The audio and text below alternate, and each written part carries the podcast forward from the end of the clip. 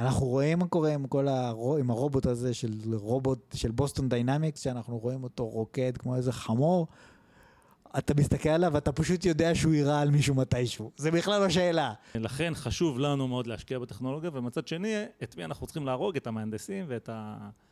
את החכמים. בקיצור, יש שם אנשים חכמים, צריך להרוג אותם. ו...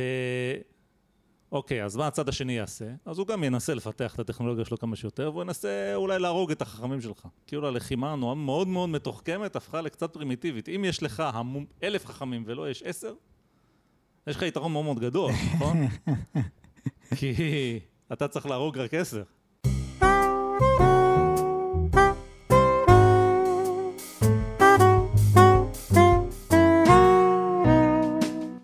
אדם אקראי, הפודקאסט שאפשר בלעדיו.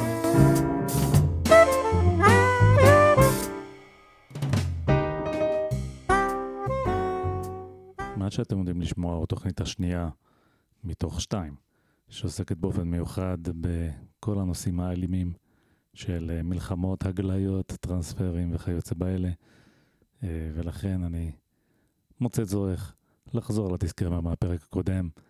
ולהגיד שמה לעשות, אלה נושאים קשים ואנחנו uh, מתכוונים לדבר עליהם, אבל אין הדבר אומר שאנחנו מקלים ראש בכל ההשלכות הקשות של הדברים האלה.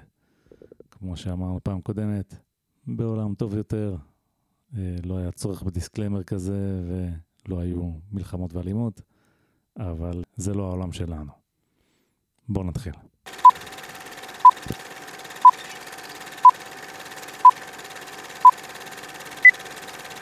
ג'יידי.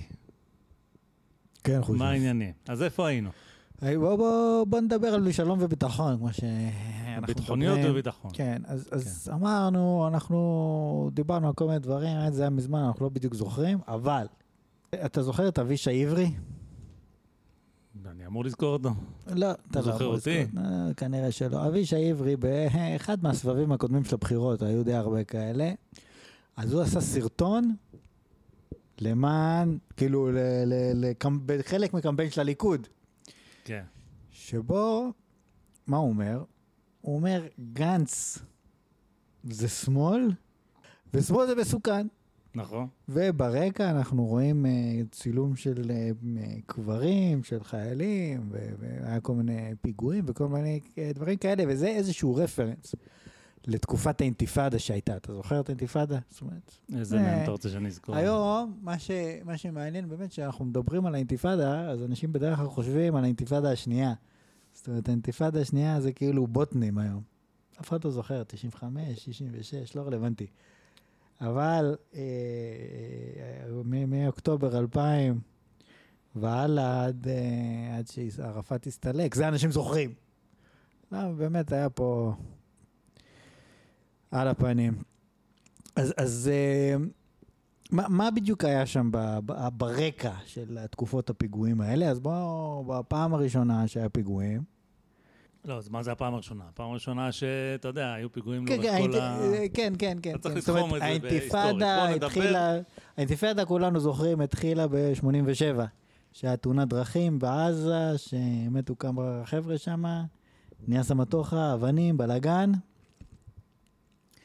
ומדינת ישראל, כאילו רבין בא, אמר, נשבור להם את העצמות, כל מיני סיפורים כאלה.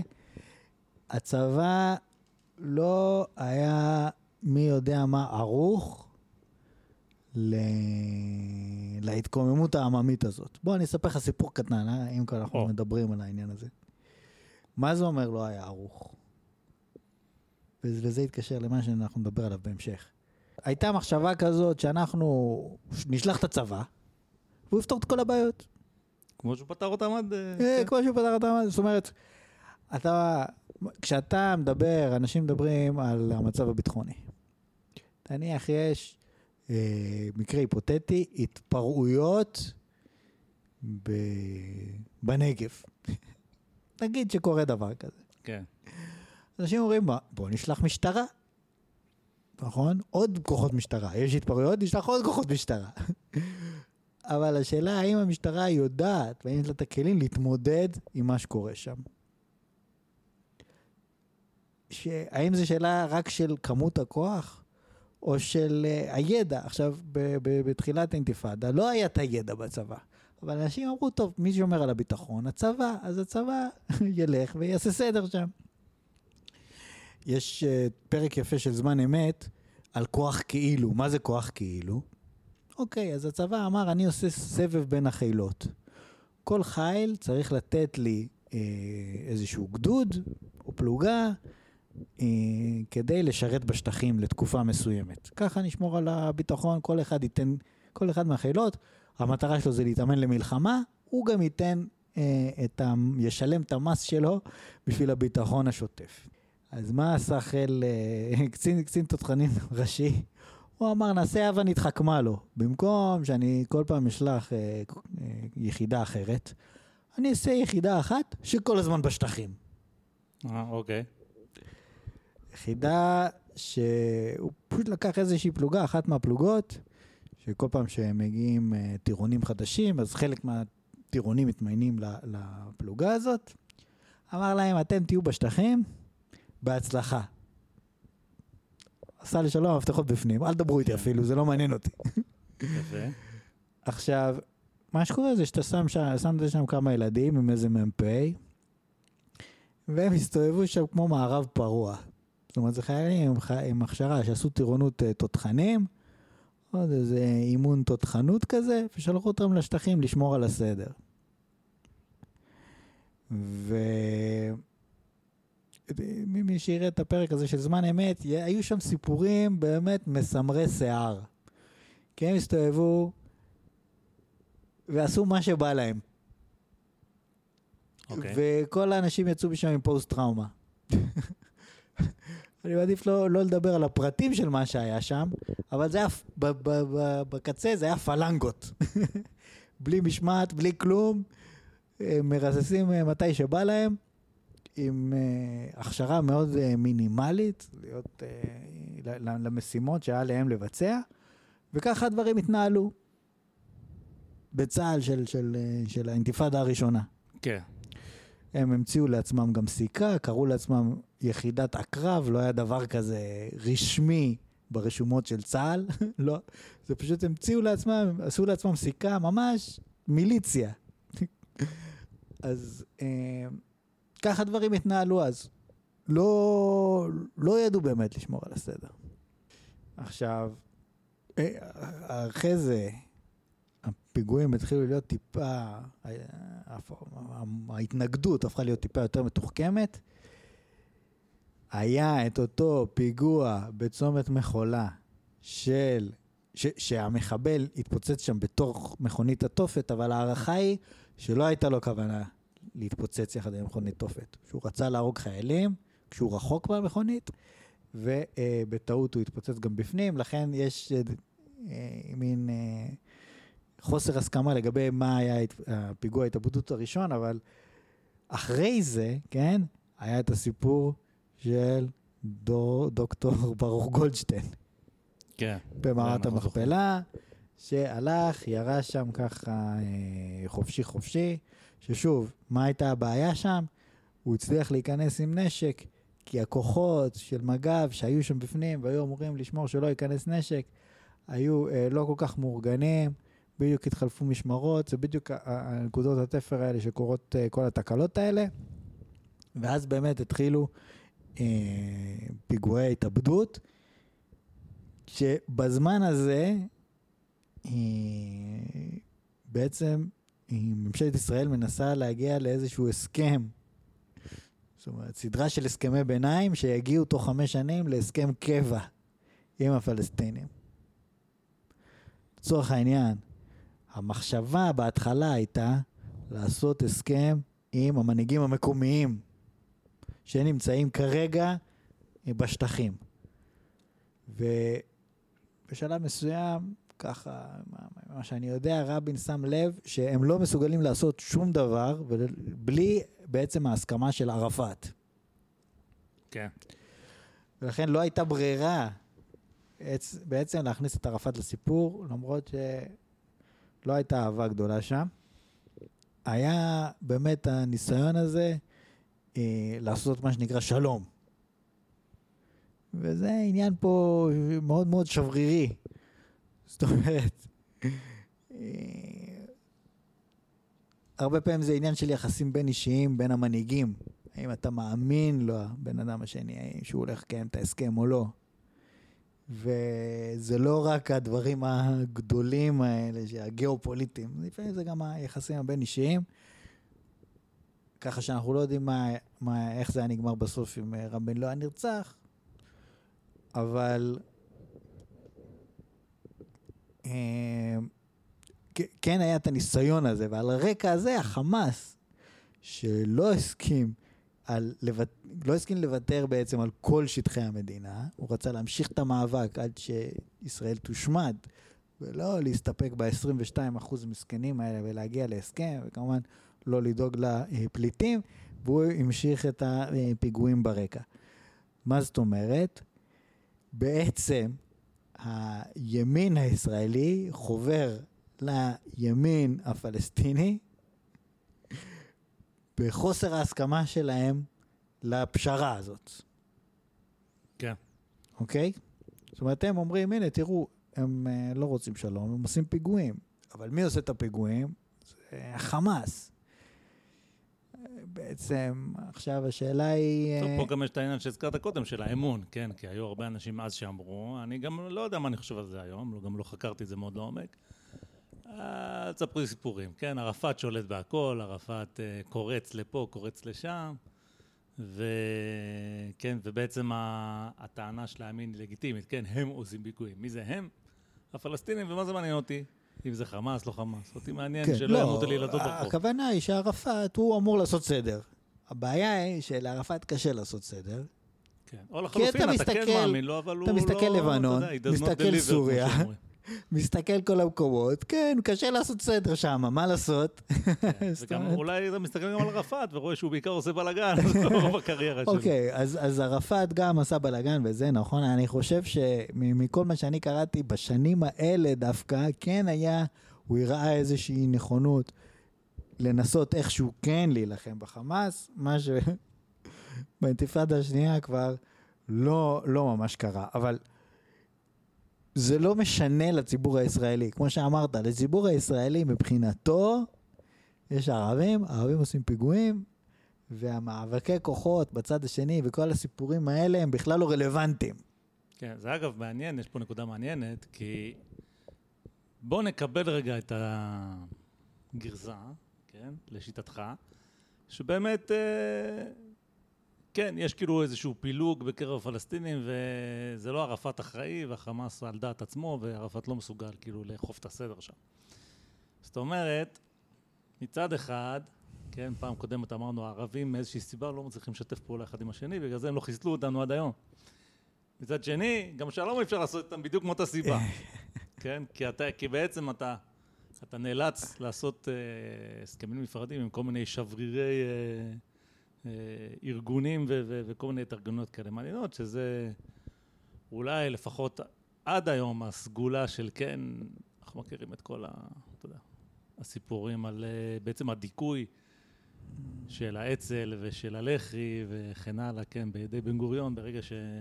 שהמדינה הגיעה, הוא בעצם לא סבל את זה, כן? אף אחד פה לא יעשה מה שהוא רוצה על דעת עצמו, ואין נשק שהוא לא נשק של המדינה, ואם צריך להרוג, נהרוג. ובגין זרם איתו, זאת אומרת, בגין אמר, אוקיי, אני מקבל. שזה הגדולה שלו באיזשהו מקום. הסכימו, בהתחלה לא הסכימו, אחרי שהיה שפיכות דמים, בגין אמר, אוקיי, אני מוותר, אני לוקח קצת אחורה. זה נקרא להיכנע, זה לא נקרא להסכים. אבל בסדר, הוא באמת נכנס. זאת אומרת, הוא אמר, אוקיי... ונכון, הוא הסכים להיכנע. לא, כן, זה לא שווה את זה. אוקיי, אני מקבל מה שאתה אומר. ויש ישראל, כן? עדיין. אולי זה עניין זמני, אבל בינתיים אה, הישות הזאת כאילו כן מצליחה, אין, אין פה איזה, זאת אומרת, whatever it is, פה נשק שמסתובב בכל מיני מקומות, כרגע אין לך איזה חיזבאללה בתוך ישראל, ממש ככה צבא מאורגן ש, שעושה מה שהוא רוצה. אז אה, טוב, כן, לא, הפרעתי לך באמצע. לא, אז אני אומר, אוקיי, אחרי זה היה את השנים של ביבי, שבהם אה, לא היה משא מתן כמעט בכלל, זאת אומרת, ביבי כל הזמן רק אה, משך זמן, מה שנקרא. זאת אומרת, אם, אם הרעיון היה ל, ל, ל, להגיע להסכם קבע תוך חמש שנים, זה, החמש שנים האלה עברו ולא היה שום הסכם קבע. עכשיו, אחרי זה באו אהוד ברק. אהוד ברק נכנס למשא ומתן מאוד אינטנסיבי, וכשהוא ככה לא, לא צלח, ממש ברגעיו האחרונים, התחילה האינתיפאדה השנייה, ששם כולם הצטרפו, גם ערפאת, גם זה, גם כולם, אה, במיוחד על רקע וגם צה"ל. הנסיגה, הנסיגה של ישראל מ, אה, מלבנון, שערפאת אמר, מה, חיזבאללה גירש אותם ככה, אה, ובלי משא ומתן, בלי כלום, אני גם אגרש אותם בלי משא ומתן, בלי כלום, ופחות הצליח לו, פחות הצליח לו, ובעצם, אז אתה אומר לעצמך, היה ניסיון לעשות שלום, וקיבלנו פיגועים. זאת אומרת, זה, זה קרה לא פעם אחת, קרה פעמיים. כן, זאת אומרת, אוקיי, שמאל זה מסוכן, כן. לצורך העניין. שזה לצורך העניין מה שאבישי עברי אה, כן, זה מה אומר, שאבישי כן. עברי אומר, ש... שאתה אומר לעצמך, בעצם, כן, מבחינה נגיד אה, רעיונית, זה מין... החמאס ניצח בהקשר הזה. זאת אומרת, החמאס אמר, אני אעשה פיגועים, ואז לא יהיה שלום, לא יהיה ויתור. הוא עשה פיגועים, ובאמת לא היה שלום. זאת אומרת, אם אתה אומר, אני חזק מול החמאס, זה לא בהכרח אומר, אני לא אעשה שלום, אולי זה דווקא אומר, אני כן אעשה שלום. אני לא מומחה פה לכל מיני דברים כאלה, אני לא... אולי זה אני טועה לחלוטין, אבל יש פה איזושהי נקודה שהיא חשובה, אני חושב, בהקשר הזה. לא, בוא נגיד, זאת אומרת, אתה אומר? אתה אומר, אני. חזק מול החמאס, אז החמאס דווקא מרוצה מזה באיזשהו מקום, כי הוא לא. רוצה להמשיך להילחם. לא, אני אומר, אתה אומר שאתה חזק מול החמאס, אבל בעצם אתה נותן לו להשפיע על ההחלטות שלך, על החלטות גיאופוליטיות חשובות. אני לא אעשה שלום. למה? כי החמאס עושה פיגועים, למרות שהרשות לצורך העניין אומרת, הרשות, הפת"ח נקרא לזה, כן, אומר, אני מוכן להגיע לפשרה, אני מוכן לוותר על שטחי 48. כן. מוכן. בסדר, זה, תשמע, זה אז- באמת, זה- זה די מסובך. זאת אומרת, לא, זה מה מס- מה עוזר לי שאתה מוכן? אם הם ממשיכים לעשות לי פיגועים, אז אה, בסדר. אבל אז נכון, אז אתה אומר, אה, אה, כמו שהיום הרשות עובדת יחד עם ישראל נגד החמאס, ויחסית בהצלחה, אולי זה היה עובד אם היו נותנים לזה צ'אנס, אולי לא. אני לא פה, זה, זה לא העניין המרכזי מבחינתי, אה, מה היה צריך לעשות, מאיפה אני יודע, מה, אני כולה איזה פישר, כן? כן. אני רק אומר שלבוא ולהצטלם עם הקברים ולהגיד שמאל זה מסוכן בהקשר הזה, תראה, הכל מסוכן, קודם כל. כשאתה חי באזור הזה שאנחנו חיים בו, אז זה קצת מסוכן. וכבר אמרנו פעם קודמת, באופן כללי בכלל מסוכן בעולם, ויש הרבה מאוד אלימות, ואיפה שאין אלימות, זה עניין של זמן, בסוף תהיה. אבל, אתה יודע, בסוף זה בחירות, כן? זה קמפיין בחירות. אבל אנחנו דנים פה ב... לא, הוא, לא, אני מבין, אני מבין, אבל שנייה.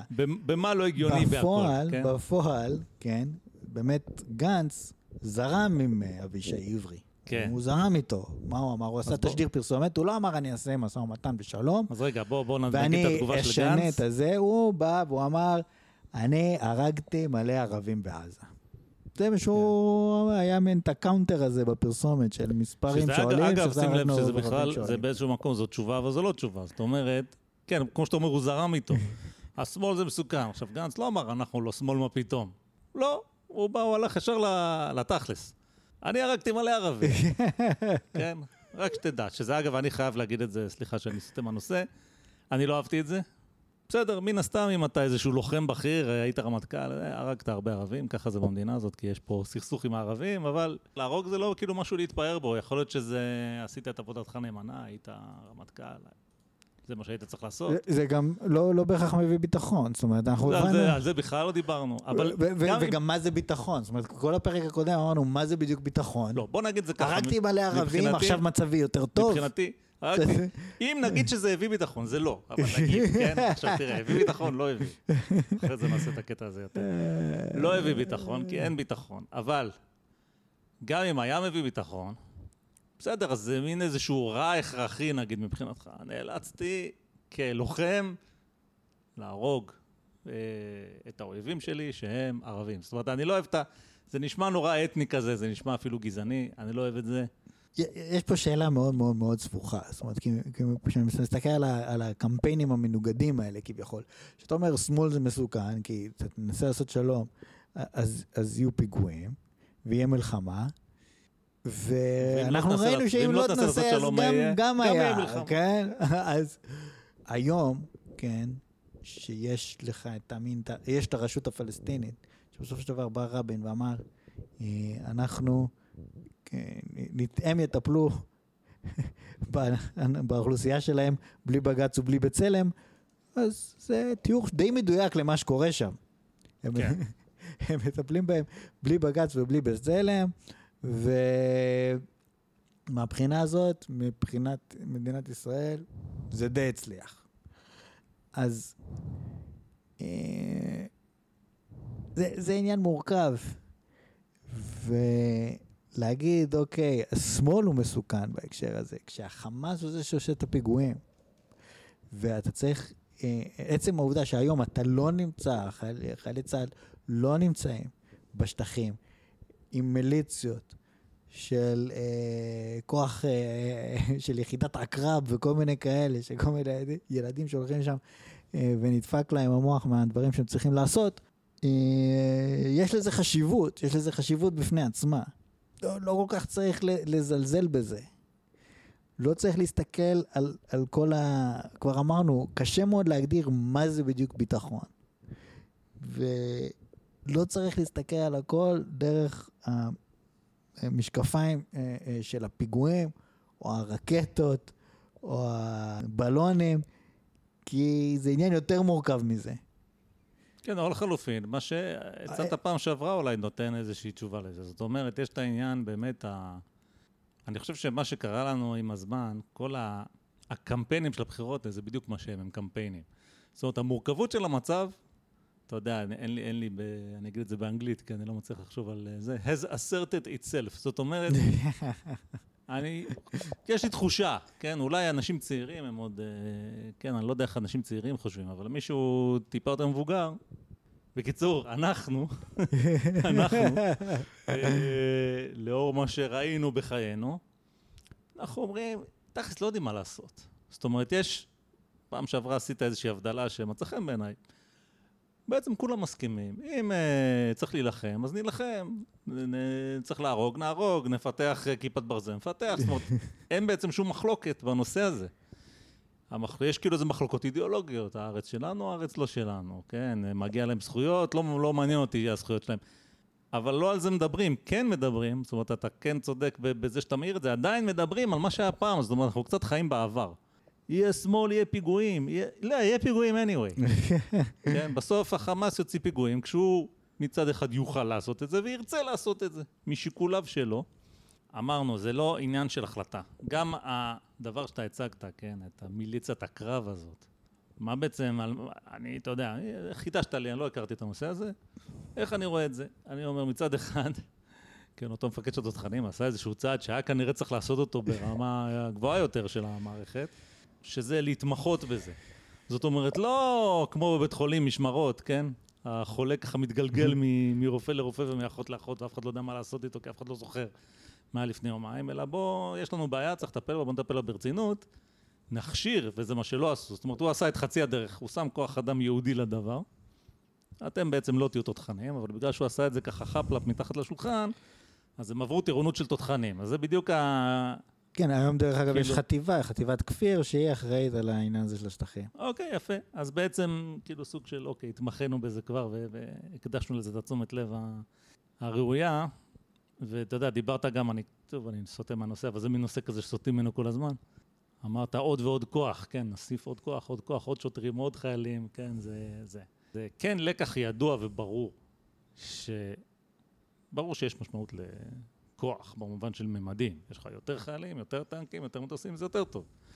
אבל יש גם עניין של לדעת מה לעשות עם הכוח שיש לך, ואיך להפעיל אותו, ואנחנו כן יודעים מההיסטוריה של ישראל ספציפית, שנלחמה מול צבאות אה, שבמספרים היו הרבה יותר חזקים, כן, מצה"ל. אבל הם לא היו אפקטיביים, אנחנו כן היינו אפקטיביים, אז ניצחנו אותם. בסופו של דבר זה, שם זה הולך, וכל ההיסטוריה ככה, אתה יכול, אתה יודע, אה, גם במלחמת העולם השנייה נגיד, היסטוריונים לא, מכובדים קח אומרים, דוגמת- בכל. מקום שבעלות הברית והנאצים היו בשוויון כוחות מספרי, אז הכוחות הנאצים בעצם נלחמו יותר טוב. כן, הם היו, הם היו החיילים הכי טובים, אבל בוא, אני אתן לך דוגמה פשוט קיצונית שממחישה את זה יותר. תחשוב על האימפריה הבריטית. יש לך איזה אי קטן, תסתכל, תסתכל על המפה, תראה את האי המסכן הזה. כמה אנשים חיים שם? היום אין שם 100 מיליון אנשים. כמה היו שם אז? כמה עשרות מיליונים? 30 מיליון? 50 מיליון? והם אה, שולטים בכל העולם, רבע מהעולם כאילו, תחת השליטה שלהם, איך הם עשו את זה? אז obviously, ובהודו, כן, שבהודו היום יש שם מיליארד איש, אז היו שם מאות מיליונים. והעובדה שהם עושים את זה, למה? כי יש להם, הם טובים במה שהם עושים, עושים את זה בצורה שיטתית ומאוד מאוד חכמה, ומפעילים את הכוח. יש להם איזושהי יתרון טכנולוגי, יתרון זה, אבל יש המון המון חוכמה של ניהול. שאתה אומר, איפה אני מפעיל את הכוח, איך אני מפעיל את הכוח, איך אני עושה את ההפרד ומשול, איך אני עושה את ה... כל הדברים האלה, דברים ש... בסדר, בישראל דבר- יש דברים שיותר יודעים לעשות, פחות יודעים לעשות, אני לא, לא איזה מומחה גדול. בוא, אני, אז אני אגיד לך איך עושים את זה. אוקיי. אוקיי, דיברנו עכשיו, כן, דיברנו על, על, על העניין הזה של שמאל זה מסוכן, שמאל מב... לא מביא ביטחון, כן? אבל כן, סייגנו ואמרנו, רגע, כש, כש... כאילו, כביכול, הסיבה שאצל הימין אין פיגועים, זה בעצם שהוא, יש לו שותפות אינטרסים עם חמאס. שניהם רוצים שתהיה פה כביכול מדינה אחת. אני מקצין את זה בכוונה, מפשט, אבל שניהם רוצים שתהיה פה מדינה אחת, ולכן החמאס מבסוט. אבל ברגע שאתה מנסה אה, לנצח את החמאס, אז זה שדי זה שתייצר הפרדה, אז חוברר האמין לחמאס ואומר, בוא ביחד נפיל את הרעיון הזה. האמת שזה לא כל כך מדויק, כי רוב האנשים שהם בימין הם ממש לא כאלה, רוב האנשים זה כאילו אומרים, טוב, אנחנו רק רוצים שהמצב יהיה איכשהו עכשיו. אנחנו עכשיו מצליחים לשמור על סדר בשטחים, איכשהו, אני לא יודע, אני יושב בבית ורואה שאין פיגועים, אז הכל בסדר, אז בואו נמשיך ככה. כן מדינה אחת, לא מדינה אחת, לאן אנחנו הולכים, מה יהיה בעתיד, לא יודע, אבל שעכשיו יהיה בסדר.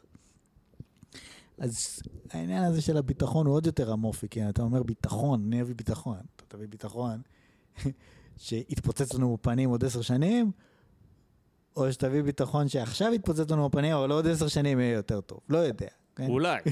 אולי, כן. יכול להיות שעוד שנים מאוד יותר לא, גרוע. יכול להיות, יהיה עוד יותר גרוע. זאת אומרת, זו שאלה מסובכת, אבל צריך להבין משהו אחד לגבי העניין הזה של איך מייצרים היום ביטחון. אני אספר לך סיפור בהקשר הזה. או. אני הייתי, אה, אחרי שהשתחררתי מהצבא, הייתי במה שנקרא, שכולם עושים טיול אחרי צבא. הייתי באוסטרליה. כן. חלק מהזמן הייתי באוסטרליה. עכשיו, היה לי תיק גב, טיילתי עם עוד חבר והתפצלנו לאיזה רגע והלכתי לטייל במקום אחר. התיק גב היה די כבד, איזה 20 קילו, אז היה לנו נוהג כזה של להחביא אותו באיזשהו מקום, ללכת לטייל, אה, טיול קצר, לחזור אה, ולקחת אותו שוב. עכשיו, אני כנראה לא החבאתי אותו מספיק טוב, כי התיק נעלם.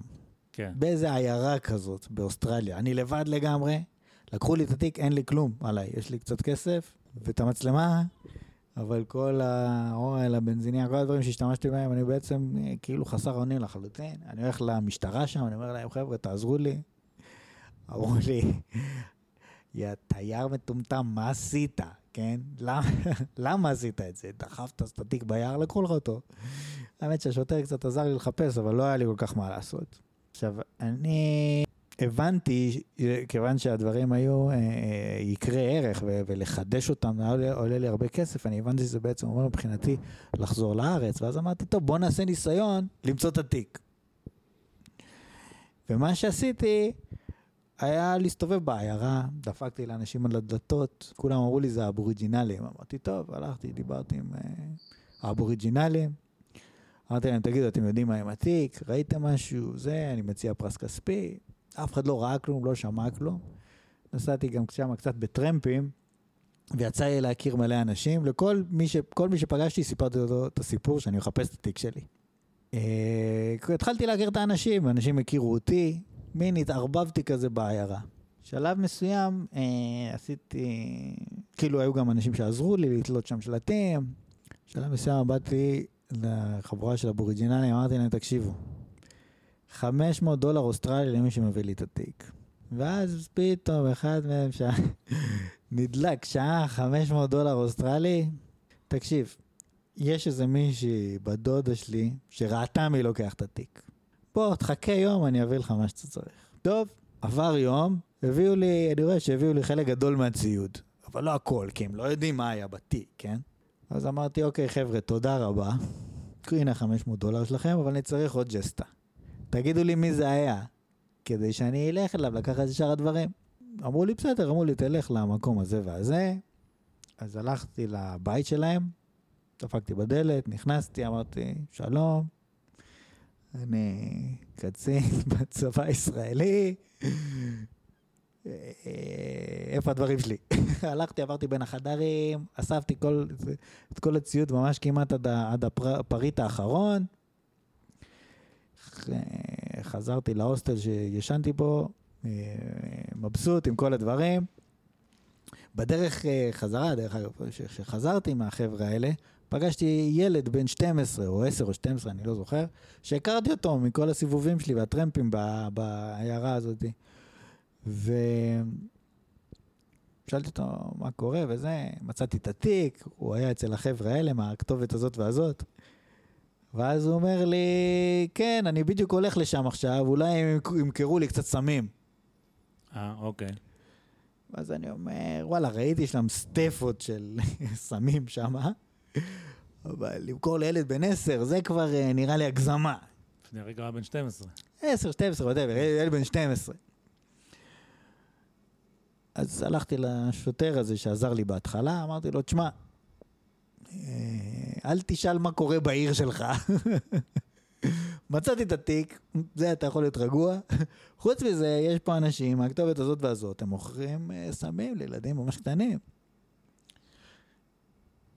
ואמרתי לו, מה, הדברים האלה, כאילו, תראה, אני פה ארבעה ימים, פיצחתי את המטריקס של העיירה שלך. זה לא יכול להיות שאתם לא, שאתם לא בעניינים. והוא אומר לי, תשמע, אתה מגיע, אתה לא שוטר, לבוש אזרחי, אנשים כאילו סבבה איתך. אני כאילו שוטר, אני פה... שאף אחד לא ידבר איתי. ובאותו רגע קצת נפל לי האסימון. כי מה קורה פה בעצם? כשאתה, אתה לא יכול לבוא, לקחת חיילים בני 18 מבסיס ההכשרה שלהם, לשים אותם בשטחים ולהגיד להם, תשמרו לי על הסדר. הם לא יודעים מי, לא יודעים מה, לא מכירים את האנשים, לא, לא מבינים כלום בעצם. לא מדברים את השפה. לא מדברים את השפה, זה בעצם כן. כמו השוטר הזה שמסתובב בעיירה פיצית, בלי טרוריסטים, בלי כלום, עם אנשים שכולם יודעים מה הם עושים, והוא לא יודע כלום. וכאילו באיזשהו מקום, בתור בן אדם שהוא מה שנקרא undercover כביכול, אתה כן מסוגל איכשהו לחדור את הדברים האלה. וזה בעצם המחיר של מה שאתה עושה. של מה שאתה צריך לעשות כדי לשמור על סדר בשטחים. זאת אומרת שאתה צריך לקחת את השב"כ ולהכניס אותו שם לתוך מארג החיים. וממש לחיות את המקום. וזה בעצם פעולת שיטור. פעולת שיטור זה לא, סליחה, פעולת שיטור זה לא להגיע למקום על מדים ולהגיד אוקיי, באתי לעשות סדר. כי חבר'ה האלה יקרקסו אותך. כן. אתה צריך להגיע ולהכיר את האנשים ולגייס בעלי ברית מתוך השטח. וכמובן שהדוגמה שאני נתתי היא דוגמה טיפשית, כי אתה בסוף, בקצה, בשטחים, מתעסק עם אנשים יותר מתוחכמים, שגם לומדים מטעויות ו- והולכים ומשתפרים, והמחיר הולך ונהיה יותר גבוה, כי כדי לגייס אנשים שיעזרו לך, זה לא שכולם מדברים עכשיו בפתיחות, אתה צריך אה, להפעיל לחץ על אנשים ולמצוא נקודות חולשה כדי שישתפו אותך פעולה. ו- ו- ובעצם זה מה שהופך את המשטרה הפלסטינית לכל כך אפקטיבית. כי הם מכירים את האנשים, מכירים את המשפחות, יודעים מי, מי, יודעים, יודעים למפות את השטח, הרבה יותר טוב ממה שאנשים שהם לא, לא מקומיים יודעים לעשות. כן. ו... וגם בסופו של דבר ילדים בני 18, שאין להם, אה, כן, הניסיון שלהם בחיים מתמצא ב... לא, מה? הצבא הוא לא רלוונטי. אותו ילד בן 18 שמגיע, הוא פשוט חסר אונים לחלוטין, ואני חושב שזה משהו שקצת... זה, אני, אני חש תחושת בטן שאנשים לא הפנימו את זה כל כך. אומרים, כן, מה זאת אומרת? יש שם גולני. גולני לא יכולים לעשות שם סדר. בסדר, מה גולני? יש להם נשק, יש להם הכל, אבל במי לירות? במי? כן. זאת אומרת, אין, לך שום מושג. איפה, מי המשפחה שתעזור לי, ומי המשפחה שצריך להיזהר ממנה, ומי מי, מי כאילו מסוכן. זה, זה קשה מאוד וכשאתה לא לדעת. יודע את הדברים האלה, אז זה גם מוביל אותך לעשות כל מיני דברים שאתה לא צריך לעשות. כן, אין לך... כן, כאילו, להשתמש בכוח מופרז, ואתה לא יודע מה לעשות, אתה מפחד, אתה אין לך במצב מושג, אתה מקום לא עוין, מכיר אף אחד. וזה מוביל אותך כבר ל... כן, כל מיני דברים שאתה... שיותר טוב שלא היית עושה אותם. נכון, אה, בדיוק. אז, זה, זה בעצם מחיר, זה מחיר שאתה משלם, ואתה צריך להיות מוכן לשלם. וגם לא בטוח שאתה, יש גבול עד כמה אתה יכול לעשות, אתה יכול לעשות אותו טוב. כשאתה לא מקומי, זה לא כל כך פשוט להביא אה, מה שנקרא ביטחון בהקשר הזה. ולכן אתה באמת רואה הרבה מאוד אנשים שיוצאים מהשב"כ, יוצאים מזרועות הביטחון, שמתעסקים בדברים האלה לעומק, שאומרים, חבר'ה, צריך לחתוך. עכשיו כן. אולי הם טועים והם חננות והם אה, נהיו פוסיס אחרי, אחרי שהם התבגרו, יכול להיות, אני לא יודע, יכול להיות שזה מחיר שצריך לשלם, אבל זה המחיר. לא, גם יכול להיות, ו- אתה יודע, גם יכול להיות, שים לב שיש פה אפשרות אחת שגם אנשים לא מעלים אותה כל כך על דעתם, אבל היא די uh, מהווה פתרון לכל הניגודים האלה שאתה מציג. כי אתה אומר, אוקיי, יש פה בן אדם, אה, הוא היה, הוא מכיר, הוא איש מקצוע לצורך העניין, הוא עבד עם המשטר הפלסטיני, הוא מבין את המורכבויות האלה, והוא מבין שזה מחיר מאוד כבד, וגם, אתה יודע, אולי אני ככה ממשיך את הדברים שאתה, שאתה אמרת, אולי יש איזושהי תועלת שולית פוחתת. זאת אומרת, אנחנו פחות ופחות מסוגלים לעשות את זה. באיזשהו שלב, כאילו, אנחנו צריכים ליזום איזה מהלך של אה, שלום לצורך העניין, כדי שלא נצטרך לעשות את זה יותר, כי אנחנו לא, או לא נצליח. היפרדות, או היפרדות, כן. היפרדות משהו, כדי שלא נצטרך לעשות את הדבר הזה יותר, כי יש, כאילו, עשינו את זה די טוב נגיד, אבל אנחנו פחות ופחות מצליחים. והצד השני שלה זה אומר, מה לחתוך? איזה לחתוך? אי אפשר, אין אמונה בהם, אי אפשר לסמוך עליהם, יהיה לך פיגועים, יהיה לך עניינים, החמאס יעיף את הרשות הפלסטינית וישתלט על הכל. ו... עכשיו, אולי גם זה נכון. לא יכול להגיד לך שזה לא נכון. עכשיו, מה... יש כאילו... כן, אבל, אבל אני אגיד לך מה ההבדל, יש פה הבדל מהותי. כי הצבא, להילחם, הוא יודע, נגיד. נגיד, כן, לעשות פעולות שיטור, הוא לא יודע. לא, בסדר, מה שאני אומר, יש עוד אפשרות, שאף פעם לא מציגים אותה. אנחנו לא יכולים לנצח פה, זהו. זה לא עובד, הדבר השני לא עובד, כן? והאויב הזה פשוט גדול עלינו.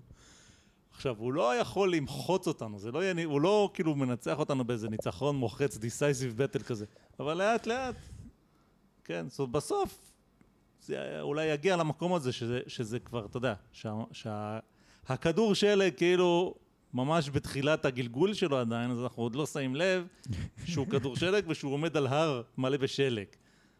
ויום אחד זה יבוא, ואז כאילו תיפתר לנו הבעיה ואנחנו נבין שיש את ה... נכון, אבל- כאילו, יש פה, יש פה הבדל מהותי, כי הרי בוא, בוא נסתכל באמת על מבצע שומר החומות. אני ראיתי סרטון לא רע, כן? לא מזמן, בטוויטר, של אה, סרטון מערערה בנגב, באמצע היום, קרב יריות.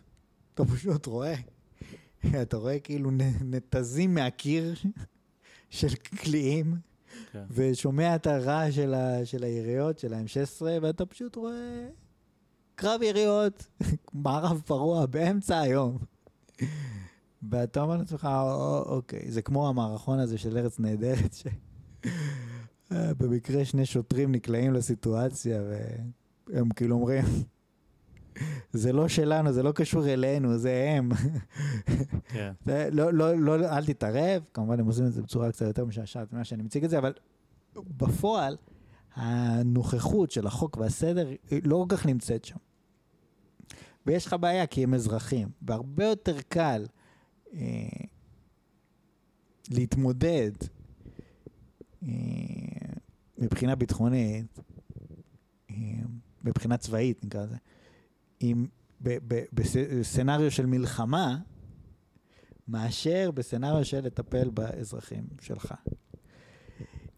כשאתה מסתכל, באמת, ממש דיברנו על החדירה הזאת לתוך מארג החיים כדי שתהיה אה, בעצם שוטר אפקטיבי, אז אתה רואה שאין, שהיכולת שלנו אה, בעזה לחסל 16 מהנדסים בו זמני בתוך עזה היא אה, יכולת פנומנלית, ואילו בנגב ובלוד, אנחנו לא יודעים מי נגד מי בכלל. ואז אומרים, אוקיי, תשלחו לשם עוד כוחות מג"ב. אתה שולח עליהם מג"בניקים, לוד. לא יודעים מי נגד מי, לא יודעים מי בעייתי, מי לא בעייתי, איפה הבתים הבעייתיים, איפה... הם לא יודעים כלום בעצם. שוב, פעולת כן, שיטור, ב... אתה צריך לחדור לתוך השטח ולהכיר את האוכלוסייה המקומית כדי להיות מסוגל להתמודד עם זה, ולא לזרוק עוד אנשים לשם ש, ש, שהם לא יודעים בכלל מי נגד מי. כן, תראה, הגסות של הפתרון, כן? זאת אומרת, בואו נזרוק לשם עוד ועוד כוחות, זה פתרון גס. זאת אומרת, ברור כן, שעוזרים שתבוא עם כל הצבא למקום הזה, אתה תוכל להשליט שם לא, סדר ליום יומיים. בנקודה הזאת אין ברירה אחרת פשוט. לא, כן, כי הגעת לקצה הזה, כי הזנחת את זה כל כך הרבה זמן, שעכשיו אתה כבר לא יודע איך לעשות זה נכון, ואתה צריך לעשות זה לא נכון. אה, עכשיו, היכולת, בוא נגיד, במדינת ישראל, בגופי הביטחון של מדינת ישראל, כן קיימת היכולת הזאת. כמו שאמרת, הנה, בעזה יש הרבה הרבה דוגמאות של מודיעין טוב, שיש לנו מודיעין טוב, מה זה אומר? שאנחנו שם בפנים, כן? יש לנו מקורות מידע מבפנים. עכשיו, אה, ובאיראן דיברנו על זה שגנבו שם את הארכיון הזה, שלא ברור מה זה עזר, אבל המעשה הזה הוא כן. כאילו מבחינה מודיעינית מאוד מרשים. כן. עכשיו, אה, אה, אז אנחנו יודעים לעשות את זה. כן. אז מה בעצם, למה אנחנו לא עושים את זה? אז מה, מה עולה על פני השטח? אז יש תמיד את השיקול הכלכלי, אוקיי. אתה צריך להחליט מה יותר חשוב. עכשיו, ברור מה יותר חשוב. מה אכפת לי מהבדואים בנגב? אף אחד לא רוצה לגור בנגב. בסדר, יש להם בעצם איזה מין אוטונומיה כזאת שם, עושים מה שבא להם, וזה מפריע לנו רוב הזמן. רוב הזמן, כן. לפעמים קצת מפריע לנו, אז זורקים מג"ב, והבעיה נעלמת אחרי יום-יומיים, והכל בסדר. אתה יודע, זה טלפון לא, מה קרה בשומר החומות? בשומר החומות, המשטרה דיברה עם ראשי השבטים, או משהו כזה, ואמרו, חבר'ה, בואו תעזרו לנו, תרגיעו את הצעירים שלכם. כן. והעניין נפתר אחרי כמה ימים. כן. זאת אומרת, בסופו של דבר המשטרה באה, ו- וכאילו זה הוצג בצורה כאילו המשטרה מגוחכת, כאילו היא לא מסוגלת לעשות כלום. אבל דווקא אני חושב שבהקשר הזה, זאת אומרת, אין ברירה. האנש... כאילו, אתה צריך להיות בתוך השטח, אתה צריך להיות אה, מחובר לאוכלוסייה, להבין מי נגד מי, והמשטרה לא יודעת. לא, רגע, עכשיו אמרת... ומי ש... השבטים, מנהיגי השבטים, והאנשים שהם המבוגרים שם, הם יודעים. כן. עכשיו אמרת, יש לך בעיה שזה אזרחים, זה בעיה, נכון? בעיה אחרת, אתה גם לא יכול להתייחס אליהם כאילו ש... אז גם פה באיזשהו מקום מציאות כאילו זורק, שם לך מראה מול הפנים. הם אזרחים כאילו נכון, אבל זה באיזשהו רמה מאוד טכנית. אנחנו מתייחסים אליהם כאילו שהם אזרחים. הם לא אזרחים כמו שאנחנו אזרחים. במובן הזה... לא, לא, לא אזרחים כמו שאנחנו אזרחים. כאילו, לא. כי, כן, כי אין להם את המשטרה שלנו במרכאות, כן? היא שלנו ולא שלהם. היא נטע זר שם. אין אנשים משם שהם, נגיד, שייכים למשטרת ישראל, והם יעשו את השיטור הזה שאתה מדבר עליו, ויש להם משלהם. כן, אולי יש יודעים... כמה, אבל זה לא... אבל זה לא זה. לא זה, לא זה. זה לא זה, אוקיי? כן. זה לא זה. כן, יש משהו, כי ישראל היא במצב התפוררות שהוא חלקי, כן? יש, כאילו, יש ישראל. ישראל זה לא לבנון, עדיין. אולי זה יהיה, אבל כרגע זה לא. אבל אתה כן רואה פה את ה... אתה יודע, אמרנו את זה קודם, אני חושב שזה מין איזה תמה פה ש, שהולכת ומתגבשת, שאנחנו חושבים מושגים לא נכונים. זאת אומרת, הדיון הזה שמאל-ימין, השמאל מסוכן פיגועים, הימין קשוח. כשהיינו, אני, אני ואתה, כשהיינו בתיכון, לנו, אולי, אולי זה פשוט כי היינו בתיכון והיינו צעירים ועכשיו יש לנו יותר ניסיון ואנחנו יותר מבינים ואולי אנשים מבוגרים אז כבר ידעו להגיד לך את זה, אולי לא, אני לא יודע. בואו נדבר מהחוויה האישית שלנו. מהחוויה האישית שלנו, כאילו היה איזה טעם בחשב, בחשיבה הזאת אז, אבל הולך ומסתבר שאין בה טעם. זה לא נכון כאילו להסתכל על זה ככה. יש באמת את שאלת, יש כאילו באמת שאלות נפרדות, שאלת הביטחון השוטף, איך אני דואג לזה שמחר לא יתפוצצו אוטובוסים, שאלת הביטחון טווח ארוך, מה אני עושה, כן? ה trade-off הוא שבינתיים החמאס מתעצם, מתעצם, מתעצם, כדי שהוא יחסל אותי בעוד uh, כך וכך, גם את זה אני צריך איכשהו למנוע. ו... ושאלות אחרות שהן גם חשובות, של uh, איך אני, כן, מה אני עושה עם אנשים שחושבים שהמשיח הבטיח, כן, יבוא, והארץ תהיה שלנו, וככה הם מנהלים את החיים שלהם. וכאילו יש המון המון סוגיות, אבל כאילו המונחים שבהם משתמשים בפוליטיקה לא כך, לא לגמרי מתאימים לסוגיות שבאמת יש.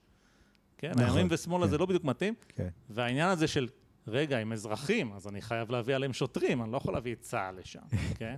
אבל כל שאר הזמן, לא מתנהג כאילו שהם אזרחים. אז... כן, מה זה, בוא, בוא, בוא, בוא נחדד את העניין כאילו הזה. זה מאוד ברור שזה אנחנו והם, נכון? מאוד, אזרחים מאוד, או לא אזרחים? מאוד ברור שזה אנחנו והם. בוא נחדד רגע את העניין הזה. זאת אומרת, כשאתה אתה רוצה אה, סדר, אתה צריך להשקיע מאמצים כדי להשליט את הסדר הזה. והמאמצים שאתה משקיע הם אה, מאוד מאוד מאוד, אה, הם, הם הולכים וגדלים כל הזמן, והם הכרחיים. אין דבר כזה, לא שעכשיו בן גביר יהיה ראש ממשלה ואז דברים יראו אחרת, זה יהיה אותו דבר. אתה צריך לעשות את אותן פעולות, להפעיל את השב"כ, ואז את הכוחות אה, שפועלים בעקבות המידע המודיעיני שהוא מביא. אה, וכשאתה מדבר על אה, אזרחי ישראל הערבים, זה ברור שאתה צריך להכיל שם את החוק, ולא עושים את זה היום. עכשיו, ש... תמיד התפיסה הייתה, היה מין איזה מחשבה כזאת בימין, ש... או בכלל אצל כולם, שאתה מסתכל ואתה רואה את הבנייה הבלתי חוקית בנגב של הבדואים, ואתה אומר, טוב, פשוט צריך לבוא ולהרוס אותה. צריך להרוס את הבנייה הבלתי חוקית, ויופי, יהיה סדר. כן. אחרי שנהרוס אותה. פשוט לא עושים את זה. לא ברור למה, הרי יש חוק, כן. יש משטרה, ולמה לא עושים את זה? ואתה אומר, רק, רק צריך לרצות. והאמת שזה לא מדויק, כי, כי כן עושים את זה הרבה, אבל הכוחות הם מוגבלים. יש גבול לכמה אפשר להרוס. ואתה הורס, הם בונים מחדש. כן. ואז הורסים את, אה, אה, את, את, את אל-עראקיב ליד רהט, הרסו יותר ממאה פעם כבר. כל פעם באים שוטרים, ובאים טרקטורים וזה, והורסים ובונים שוב. זה כאילו, תושבי אל-עראקיב מאוד סובלים, אבל זה עוזר ליישובים האחרים, כי כל הזמן מפרקים, הורסים את אל-עראקיב ולא את האחרים. אם הם היו מוותרים, אז היו הורסים אחרים, ואז הם היו אוכלים אותה שם, אז בעצם זה מין... אה, אה, כן. מלכודת דבש כזאת לכוחות הביטחון, והאמת שכולם נהנים מהסיפור הזה, כי באה המשטרה ואומרת, הנה תראו, אנחנו הורסים, אנחנו עושים את העבודה שלנו, אה, פשוט לא מצליחים להשתלט על כמות כזאת גדולה של בנייה בלתי חוקית. זאת אומרת, המחשבה הזאת ש... כן, אבל יש, פה, גם יש איך, פה משהו איך, יסודי יותר מתחת לפני השטח. לא, שנייה, רגע, לא סיימתי. כי הם, כי לא... לא, רגע, שנייה, כן. שנייה. חלק מה... גם, גם כל השיח הוא, גונבים לנו את הנגב. זאת אומרת, הרי אם זה היה יהודים, אף אחד לא מסתכל על זה בכלל. זאת אומרת, מה זאת אומרת? יהודים שיבנו איפה שהם רוצים. ברגע שזה ערבים, אומרים, רגע, גונבים לנו את הנגב. מן הסתם זה אנחנו והם, או כאילו אוטומטית. לא, הם אזרחים ישראלים, כן? מיישבים את הנגב, מפריחים את השממה, כל כן. הכבוד. לא, כי הם ערבים. עכשיו, אני בעקרון אין לי בעיה עם זה, אני מסכים. צריך להרוס להם את הבנייה הבלתי חוקית, ולא יודע מה, לשים את כולם בערים, כשאתה מסתכל על הפתרון, אולי באמת, ה... אני קורא לזה פתרון, אולי באמת צריך להגיע לאיזשהו הסדר של להכיר בכפרים האלה, ולשלב את האנשים האלה עד כמה שאפשר באורח החיים הישראלי נקרא לזה, המערבי ישראלי. כשנגיד מפעל כמו סודה סטרים פותח את המפעל שלו בנגב ומעסיק בעצם הרבה מאוד בדואים, כן. ומין מכניס אותם ללופ הזה של עבודה, אה, העלאה בשכר, קניית מותרות, ישיבה, רביצה מול הטלוויזיה, קניית עוד מותרות. כן. כאילו, ולא... אה, כאילו, הרצון כאילו להתקדם ולהיות מנהל וזה וזה וזה, ו- ו- ו- ולא ההתעסקות בדברים האחרים של פשיעה וכל מיני דברים כאלה. אז, אז אולי זה תורם יותר לביטחון, נקרא לזה, מכל פעולה אה, משטרתית שתעשה. כמובן, זה חלומות באספמיה, אני לא יודע אם באמת זה משנה, אבל אני רק מעלה את השאלה, כי אני באמת לא יודע. לא, אני כן מסכים איתך שמה שכאילו, בהמשך למה שאמרתי קודם, וזה מה שככה זה, שוב, אומרים משהו אחד, אבל זה משהו, המציאות היא אחרת. עכשיו, מה שאתה בעצם אומר, בוא נעשה משהו כדי שהמציאות יותר תתאים לאיך שאנחנו מדברים. זאת אומרת, אה, אם הם יהיו יותר משולבים בחברה, אז הם באמת יהיו יותר אזרחים. היחס אליהם יהיה יותר אה, כמו שמתייחסים אה, לעצמנו, והכל יהיה, כאילו יהיה איזושהי התאמה יותר גבוהה בין כאילו מה שאומרים למה שעושים. כן, אני לא יודע בדיוק איך עושים את זה, אבל... לא, אני גם לא יודע איך, אבל obviously, כאילו גם כן מה שברור, כאילו במצב של הבדואים בנגב, נוצרה בעיה, זאת אומרת, זה קצת כמו עם הפליטים, קצת כמו עם המון דברים אחרים, קצת כמו, אתה יודע, אולי בארצות הברית עם המהגרים ממקסיקו.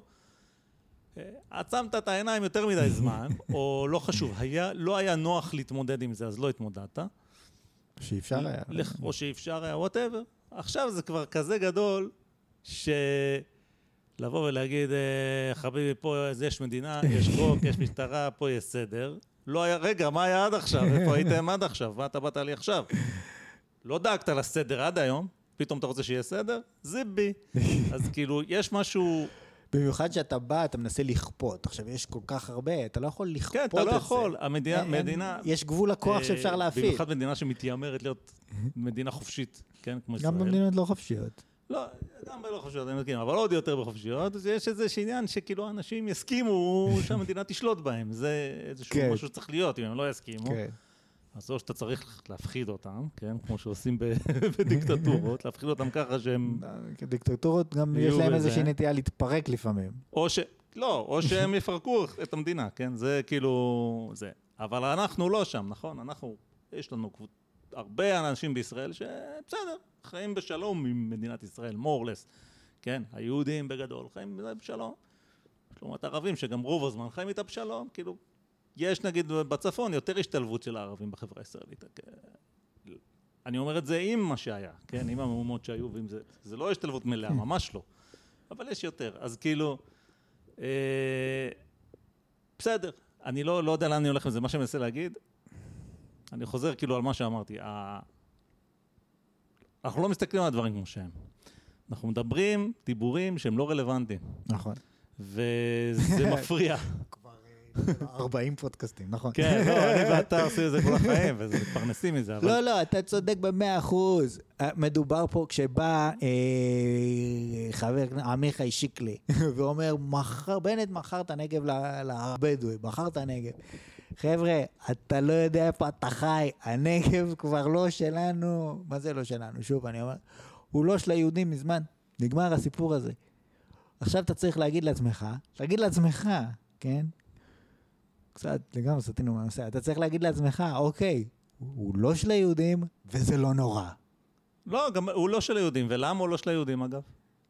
יש פה חבל ארץ, רגע, יש פה חבל ארץ, לא היה של היהודים לפני 200 שנה, עכשיו כן של היהודים. מה קרה? כי היהודים באו ופעלו נמרצות ולקחו. עכשיו, אם כן. הנגב הוא לא של היהודים, אני יכול להציע לך, לא יכול להוכיח שום דבר, שהיהודים לא רוצים את הנגב. מישהו רוצה לגור בנגב? אף אחד לא רוצה לגור בנגב. מה יש שם? חול וחול אין שם כלום. לא, אבל, אבל, אבל, כן. אה, באמת, אני אומר, אם אתה אומר לעצמך, רגע, אולי זה לא נורא. לא, אולי זה, לא, אנחנו לא רוצים, לא רוצים את זה. אז יש שם בדואים. היל- הילודה שם בירידה מתמדת, ואם אתה באמת אה, תבוא ותגיד, אוקיי, אתם יודעים מה? השטח הזה שלכם. שלכם. בואו נשב ביחד, נעשה תוכניות מתאר, נפתח, בבבי בבבם. יש הרבה, הרבה בעיות. אחת מהבעיות, למה בעצם יש את כל הבנייה הבלתי חוקית הזאת? למה הם לא גרים בערים? כי החברה מאוד שבטית, מאוד חמולתית. והחמולות לא מסתדרות אחת עם השנייה. ולכן בעצם אתה חייב עוד שטח כדי להתרחק מהחמולה השנייה, כדי שלא יהיה מכות כל הזמן. כן. ומה שאצל, אה, כאילו, בחברה המערבית זה לא כל כך קורה, כי אין את השבטיות. אז אתה גר בבניין עם עוד 800 איש, ואתה אומר שלום, אפילו לא אומר שלום במעלית. שמה, אה, בחברה חמולתית, זה לא עובד. וזה חלק מהעניין. ו... אה, אז, אז אוקיי, אתה אומר, אוקיי, אני נותן את השטח, ומנסה לעבוד ביחד עם העיריות ולעשות תוכניות מתאר, של לפתח את זה בגבולות השטח הזה, כדי אה, באמת אולי להגיע למצב שבאיזשהו מקום לא תהיה יותר בנייה בלתי- חוקית. אחרי שנתת את השטח הזה, ואתה אומר, אוקיי, אבל מעכשיו, אם מישהו בונה במקום אחר, אז אנחנו באמת נבוא ברצינות ונשמיד את הבנייה הבלתי חוקית, נחלק קנסות ונאכוף את זה, ואולי זה יעבוד, אולי זה לא יעבוד. אולי תשמע, מהתחת, אני לא יודע, זה לא כל כך משנה. מה הפתרון, לא, אם אה, יש כזה. לא, סתם, אני אומר, אבל אם אתה מחליף דיסקט ואתה אומר, אוקיי, כן. אתם כאילו, בסדר, זה לגיטימי. אני מקבל את זה שבמדינת ישראל יש מיעוט ערבי גדול, והוא חלק מהמדינה. ואני מתייחס אליו ככזה. ולא עוד כאילו, אוקיי, אנחנו בשלב מסוים נעיף אותם, כרגע ניתן להם לעשות מה שהם רוצים, כי אין לנו זמן להתעסק בזה, אבל יבוא יום ואנחנו נפרק את כל הבנייה הבלתי חוקית ונגרש את כולם, וזה לא עובד ככה. עכשיו, אה, לא, אבל אתה יודע משהו, אני אגיד לך משהו מעבר, אפילו אם זה כן עובד ככה, אוקיי? אני מסכים איתך, זה לא לא נשמע לי מציאותי, אבל נגיד, כן. רק גם את זה אבל לא אומרים. מה אומרים? הבנייה הבלתי חוקית, למה המשטרה לא אוכפת את החוק? אה? וכולם יודעים למה. כן, כי היא כאילו, לא באמת, יכולה, כי כאילו, היא לא יכולה. אני לא הרי, אתה יודע, לפעמים פה בפודקאסט, אני אומר משהו, ואז אני מרגיש צורך להסביר אותו, כי אני אומר, אולי לא כל מי שמאזין, אולי לא, לא ישר מבין למה אני מתכוון. אבל פה, ברור לי שכל מי שמאזין לפודקאסט הזה, אותם שלושה אנשים, ברור להם למה המשטרה לא אוכפת את החוק, כן? ולמה יש כאילו... אז ברור להם, אפילו הם לא בדיוק יודעים, אתה אמרת חמולתית וזה, אני לא מתמצא, אבל אני מבין שזה אנחנו והם, ואין מה להתפלא על זה. שהמשטרה שלנו לא אוכפת את החוק שלנו עליהם בצורה הכי יעילה בעולם. כן, אני רק, אני אסכם אה, אה, את ה- את המהלך שעשינו פה. אנחנו מדברים בתוכנית הזאת על ביטחון, וראינו במבצע שומר החומות, לא היה ביטחון בכבישי הנגב, כי היה שם התפרעויות של אנשים שהם לא מחוברים לישראל הם, אה, כ- כ- כמעט בכלל, זאת אומרת, זה שוב, כמו שאמרת, אנחנו והם, והם חיים במערכת חוקים אחרת. וכשאתה אומר, אוקיי, אז צריך להביא ביטחון, נכניס משטרה. ואז אתה אומר, אוקיי, להכניס משטרה, אה, זה, זה לא... זאת אומרת, זה משטרה ושב"כ כנראה, כי אתה צריך לבוא ולהיכנס ולהכיר את השטח ולהכיר את המשפחות, להכיר את החמולות, להכיר מי כתב מה בפייסבוק ומה דעתו, ואיזה משפחות הן יותר קיצוניות ואיזה משפחות הן פחות קיצוניות, ועם מי אפשר לא- לדבר ועם מי לא- אפשר לדבר. לא שונה מכשהמשטרה כן עושה את זה פה ושם, ולפעמים לא מצליחה לעשות את זה, בלהילחם במשפחות פשע במגזר בדיוק, היהודי, כן? בדיוק. יש שם עולם, או שיש לך שוטרים בפנים ויש לך מודיעין טוב ואתה מצליח איכשהו כן, לפרק כן, אותם, לגמרי. או שהם מפרקים אותך. כן, אבל זה כמו בשת... לא ללכת, וזה אומר כל לילה ללכת ולאסוף נשקים, וזה דרך אגב משהו שאולי צריך לעשות בלי קשר, אה, אבל זה אומר אה, להיכנס שם אה, במלוא מובן המילה. וחלק מהעניין, חלק מהעניין, זה שכשאתה עושה את זה בשטחים, ברור לך שהם לא תחת החוק הישראלי. יותר ברור לך ו- מה קורה, אתה יותר, אני אני באמת חושב שיש פה עניין. אבל המושגים אתה שלך בנית- יותר מתאימים למציאות. לא, נכון, אני. מס... אני מסכים. כן. שמה, באמת, ישראל, אחרי הרבה מאוד זמן, אה, הצליחה להגיע למצב שיש שם רשות מתפקדת, שבעצם היא זאת שעושה חלק גדול מהעבודה. בשבילך, שומרת על הסדר בשבילך. יש שם הרבה מעצרים של אנשי חמאס, מבחינת הרשות, גם הרשות אה, חוששת מהחמאס, ולכן יש פה איזשהו שילוב אינטרסים. והיא אה, בעצם אה, שולטת, עושה סדר בשטח הזה. ואין לך את זה בעצם בנגב, אין לך את זה ב, ב, בכפרים הערביים, אין לך. כן. אה, אז בעצם באיזשהו מקום צריך להבין שצריך, אתה לא תוכל להקים רשות מן הסתם, אבל אתה צריך, כן, שיהיה תחנות משטרה של, שהם האנשים שלהם, שמכירים את האוכלוסייה ויודעים לשמור על הסדר. והדרך לביטחון היא בכלל לא, אה, היא חלקית, נכון, כן, צריך ללכת לאסוף נשקים. הם גם מבקשים את זה. זאת אומרת, אם מי שיקרא את כל המצעים של, את, את המצעים של המפלגות הערביות השונות, אצל כולם זה כן, פלסטינים, ישראל, ציונות, אבל הדבר העקרוני, המעשי, המרכזי, זה תמיד האלימות בחברה הערבית. כן. זה הנושא שהם מתעסקים בו. כן, אז צריך לעשות את זה, ללכת לאסוף נשקים. שזה אגב מאוד מעניין, מאוד מעניין מה שאתה אומר, כאילו, כן, אמרת את זה כמה פעמים, אבל עכשיו פתאום נפל לי זה האסימון. בעצם מה, מה שאתה אומר לי, גם אם הם בעצמם לא בדיוק מתכוונים למה שהם אומרים, כן? אבל מה המהות של הדבר? אם הם אומרים, אתם היהודים, שיש לכם יותר כוח מאיתנו, תעזרו לנו, אנחנו לא מצליחים, כן? אנחנו משלמים מחיר גדול מדי, כי, כי אתם לא משליטים עלינו חוק וסדר, ואנחנו גם לא משליטים עלינו חוק וסדר במידה שהיינו רוצים, זה כבר נהיה בעיה. ואנחנו בבעיה כזאת קשה, שאנחנו מוכנים אפילו להגיד, להזמין אתכם לבוא ולדרוש מכם, נגיד, כן? כן, כן. כן. בסדר, זה דיבור, אבל שהוא באמת... לא, נרצחו איזה 60 לא, אנשים בחברה הערבית מתחילת השנה. לא עקבי, כאילו עם דברים אחרים שהם נורא נגד ישראל. אז אוקיי, אז עכשיו, אתה יודע, יש טענה כזאת שאני, לדעתי, היא, היא, היא מקובלת עליי לפחות. אתה יודע, מה זה מדינה בסוף? מדינה, אתה יודע, אני אגיד את זה בצורה קצת, אה, שזה פתגם חביב שאני בעצמי המצאתי אותו. מדינה זה מאפיה שהיא כל כך מפחידה, שאפילו המאפיה מפחדת ממנה. זאת אומרת, קודם כל זה כוח. אנשים עם רובים, כן? זה כאילו, שהם מאורגנים, זה, זה המינימום שאתה צריך שתהיה איזושהי, איזושהי מדינה. ובעצם כשהם אומרים, תבואו אתם עם הרובים שלכם ותיקחו את הרובים מאיתנו, אז הם אומרים לך, אנחנו רוצים להיות חלק מהמדינה הזאת, כן? ברמה כזאת מאוד פרימיטיבית של, של, של הארגון של הכוח, אבל כן. אז uh, קצת, uh, אתה יודע, בדרך מצחיקה, עם כל העוינות שיש, הם באיזשהו מקום רוצים מאוד להשתלב. אה, זה, זה עניין מורכב. ולא רק מהבחינה הזאת. אם אתה כאילו ערבי שנולד בישראל, אתה אומר לעצמך, יש לי סולידריות עם, עם, עם הפלסטינאים בשטחים, וחמאס, וזה, כל הדברים האלה. ומצד שני, כן, וואלכ, ישראל יותר טוב. נכון? יש לך איזשהו קונפליקט. להיות ערבי ישראלי זה, זה נורא מסובך. אתה תלך, וכן, יש הפגנה, אתה הולך עם דגלי אה, אה, פלסטין בכיכר העיר, אבל אין לך שום רצון להיות חלק מפלסטין. זאת אומרת, אפס. אתה רוצה להיות חלק ממדינת ישראל, אבל מה תעשה? תניף את דגל ישראל, אתה תקבל מכות. למה? כן. כי לא, מי שלא ייתן מכות... בפרשנות הזאת, אז... אני, אני לא בטוח, כאילו, אתה, כאילו, אני מניח שיש את המקרה הזה שאתה מדבר, כן, אני לא יודע בדיוק, אתה יודע, יצא לי כמה פעמים לדבר עם ערבים ישראלים על הכאילו בעיות שלהם. זה מאוד מאוד, באמת, זה חיים קשים להיות ערבי ישראלי מבחינת ה...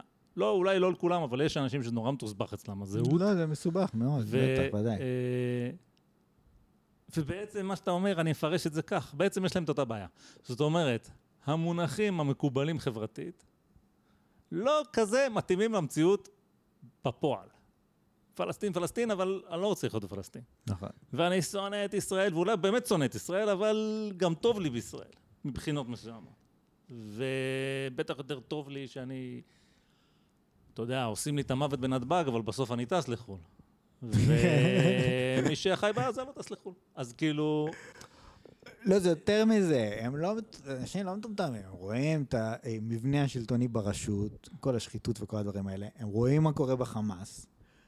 ברור לכל בן אדם הגיוני, כן, זאת אומרת, מבחינת הפנטזיה, נקרא לזה, של הבן אדם, של הערבי הישראלי, הוא רוצה אה, אותו דבר בדיוק, שיהיה מדינה כמו ישראל, רק שכל הנציגים בפרלמנט הם ערבים. כן. אבל ערבים לא כאלה של הצד השני, אלא ערבים שהם בדיוק כמו היהודים, פשוט ערבים.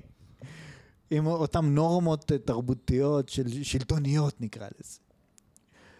כן, אולי, וזה אני לא יודע. מסובך. אני לא יודע, אני מניח שיש הרבה ערבים שרוצים את זה. כן, אה, כאילו, כי אני חושב, אתה יודע, שנגיד בלבנון יש הרבה אז זה שרוצים אנחנו את זה. והם. אצלם, שזה לא מה שהולך להם, כן? אה, כן, אבל כאילו, באמת, כי זה אנחנו והם, ולא מסתכלים עליהם, ויש הרבה בעיות. אה, בגלל זה אני חושב שיכול להיות, יכול להיות, שלהכניס את מנסור עבאס לתוך הממשלה, לאור מה שקרה בשומר החומות, זה מהלך ביטחוני יותר אפקטיבי מלהכניס את המשטרה. אוקיי, אני לא אומר שלא צריך להכניס את המשטרה, צריך להכניס את המשטרה, אבל זה לא מספיק. תיקח את כל הנשקים, מחר יהיה עוד נשקים. ויכול להיות שלהכניס את מנסור עבאס לחלק מהמשחק השלטוני, אולי לא, אולי אני... יש הבדל זה- גדול, כששר ערבי מקדם איזה מהלך של איסוף הנשק במגזר הערבי, מאשר כששר יהודי עושה את זה. כן, כי לעשות? אתה כאילו הופך להיות חלק מהמשחק, אפילו מנסור עבאס בעצמו אמר, אני מעדיף להיות בקואליציה של הימין, כי אם אני עם השמאל, אז כאילו חצי מהמדינה עדיין נגדי. אבל אם אני עם הימין, אבל אז- השמאל כבר עכשיו- בכיס שלי. או, עכשיו תראה, תראה מה עכשיו יפה. אני עם הימין. תראה מה יפה. מנסור עבאס בעצם מנצל, כן, בצורה מאוד חכמה, את הפער בין המונחים שלא מתאימים למציאות, לבין זה שהוא מבין טוב מאוד את המציאות. זאת אומרת, הוא יודע מה הוא רוצה לקדם. אני רוצה להיות בממשלה, אני רוצה להשפיע. ימין, שמאל, זה חרטא. בינינו זה חרטא, אבל החרטא הזאת, היא תשכנע חצי מהמדינה כאילו לשנוא אותי עוד יותר ממה ששונא תקווה, כן? ככה אני כאילו תחת החסות כאילו של הימין היהודי איכשהו, אז אה, וואלה, אני מקבל הרבה הוא בנפיט מזה. מקבל גם את הימין, גם את כן, השמאל, מקבל את והשמאל כולם. בכיס שלי. עכשיו, כמו שאמרנו, אז כאילו זה סתם ככה, כי השמאל וימין הזה לא כזה רלוונטי כבר. אבל זה עדיין, כאילו, מה זה לא רלוונטי? זה כאילו רלוונטי וזה לא היה צריך להיות. כן, אנחנו, כאילו, לדעתי, אם אני, אתה יודע, אני אתנבא, אני לא יודע מה יהיה בעתיד, אבל כאילו יש עתיד אפשרי, שבו אנחנו נמצאים באיזה תקופת מעבר, איזשהו ריפריימינג כזה. שכאילו המדינה הזאת לאט לאט מבינה, כן, קצת כמו, לאט לאט מבינה שזה, ש, שאנחנו לא חושבים על זה נכון. צריכים לחשוב על זה אחרת. מה שעשינו עד עכשיו לא הצליח. וזה כבר באמת לא הגיוני. גנץ שמאל, כור שמאל, כל מי שנגד ביבי הוא שמאל, כן? אז מי ימין, כאילו? רק ביבי ומי שביבי אוהב הוא ימין, זה כבר נהיה מצחיק. וכאילו כולנו יודעים את זה. וגם כמה שמאל כבר יש בינינו, אין זה? ומה זה שמאל, כן. עכשיו, וגם, תחשוב על הממשלה הנוכחית שיש לנו, היא גם איזושהי ממשלה שאומרת באיזשהו מקום, עזבו את כל השטויות, כל הלייבלים האידיאולוגיים שלנו, שנורא התעקשנו עליהם, כן, ובעצם הפוליטיקה בישראל הפכה לפוליטיקה של חרמות, אה, זה לא, לא עוזר לנו. זאת אומרת, אם אנחנו לא נעיף את ביבי, כן, אז ביבי יעיף אותנו. בס... כאילו, הבחירות האלה נסובו סביב ביבי. ביבי זה הנושא העיקרי. עכשיו, יש את אלה שאומרים, אה, הם רק רוצים להעיף את ביבי, ואני אומר, כן, כי ביבי, לדעתי, הפך את עצמו לנושא לגיטימי, שהאידיאולוגיה שאומרת צריך להעיף את ביבי היא כבר אידיאולוגיה שהיא היא לא בעצם איזושהי מתקפה עד הומינם, זה, יש סיבה, כן, לעשות את זה, לדעתי האישית. וזה חיבר את כולם, זאת אומרת, כאילו בחצות הליל, בדקה לחצות, כן, ואני לא יודע כמה זמן הממשלה הזאת תחזיק מעמד, אבל כאילו בדקה לחצות, שיהיה עוד מערכת בחירות ועוד זה, וכאילו, ועוד פעם ביבי ועוד פעם ביבי, עד שהוא בעצמו ימות, אבל עד אז יעבור, יעבור הרבה זמן. ואנחנו, אף אחד מאיתנו לא יצליח לקדם את המטרות שכאילו בשביל זה אנחנו פה. אז uh, בעצם יש לנו מטרה חדשה, שזה להעיף את ביבי, ואנחנו נעשה את זה ונשים בצד רגע את הדברים. ולפחות חלק מהדברים ששמים בצד, כנראה שהם לא באמת רלוונטיים כבר. זאת אומרת, מה שאמרנו על שמאל וימין, מה שאמרנו על... אולי זה גם במגזר הערבי נכון, זאת אומרת, כל הפלסטין פלסטין הזה.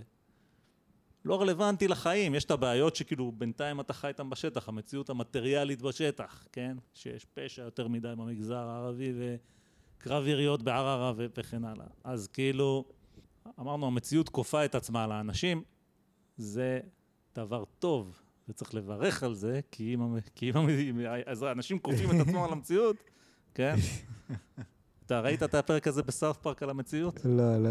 תשמע, תשמע, זה חזק. עשו פרק, זה היה בנושא של ה-safe spaces וכל השטויות האלה של האמריקאים. אז הם כאילו עשו איזה, אתה יודע איך זה South Park, הם, כל עמדה הם תוקפים, הם אף פעם לא יגידו מה כן, הם תמיד, אוקיי. נכון? לא יודע, לא ראיתי, אז אני לא... לא, זה האופי הכללי של כאילו איך, אוקיי. הם, איך הם כותבים פרקים. הם לא יגידו לך, שמאל חרא, ימין טוב. יגידו לך, זה חרא וזה חרא. זה כאילו השיטה שלהם. אז הם מתחילים מ... אתה יודע, יש לך בעצם איזו עונה כזאת שכאילו העיירה הופכת להיות יותר ויותר politically correct, ואנשים מפחדים לדבר, כי עושים להם שיימינג, וכל הבעיות האלה שאנחנו מכירים. ועשו שם איזה קטע כזה על ה-safe spaces. ואיזה שיר, סיפור, יש מין שיר כזה, כולם שרים, אה, safe space שלי, זה כיף לי, אף אחד לא יכול אה, להפריע לי פה, אני מוגן, ואז יש שם איזה קריקטורה כזאת שפורצת למקום הזה, ומפחידה את כולם, והיא המציאות, כן? ככה קוראים לו, ריאליטי הגיע, אוי אוי אוי, ריאליטי הגיע, מה נעשה, מי נתן לו להיכנס, כן? מהומה שלמה, ובסוף איך הפרק נגמר? מוציאים את ריאליטי להורג. זאת אומרת, זה ה... ה... הם תופסים אותו ומוציאים אותו להורג. ומה הבעיה שלנו? שבסוף המציאות מוציאה אותך להורג. כן, בעולם האמיתי אתה לא באמת. עכשיו דיברנו על זה, אנחנו תמיד חוזרים לנקודה הזאת, כי זה, זה פשוט החיים. כמה שאתה מתכחש יותר למציאות, אתה יכול לעשות את זה. ויש לזה מחיר, שהשאלה אם אתה שם לב עליו או לא, בסוף אתה תשים לב, כן? תלוי כמה רחוק תיקח את זה. אז אני חושב שזה כאילו איזשהו מהלך אולי מאוד מאוד חיובי שקורה פה, אולי across the board, כן, אני לא יודע מה קורה אצל הבדואים, אבל אולי משהו פה קורה across the board, שאנשים מבינים, לא מצליח הדבר הזה, מאוחר מדי, לא ניצחנו, לא הצלחנו. שים לב, שים לב, יש פה נקודה, יש פה נקודה חשובה שאני מדגיש פה, כן? כן. שזה אני חושב, אה, אה, ביבי הוא, ה... הוא ג- גם מבין את זה, וזה התחיל מרבין, שהוא אמר בלי בג"ץ ובלי בצלם, שבעצם מה שאתה רוצה זה אה, מערכות שלטוניות מתפקדות. זאת אומרת, בסופו של דבר ביבי הוא אבא של אה, חמאס בעזה, הוא אה, דאג לטפח אותו כל השנים. אה, אה, רבין אה, הקים את הרשות, והדברים האלה עובדים. נסראללה בלבנון, ש, ש, שהוא בעל הבית, כן. אז אין יותר, אה, אה, יש מעט מאוד, בטח יחסית למה שהיה, את הפיגועי בודדים האלה, שאתה אה, רואה, אלא הכל נעשה אה, לפי הוראתו של, של אה, נסראללה, ויש עם מי לעבוד, יש מי ששומר על הסדר, יש מי ששומר על, על הסדר פחות או יותר בעזה.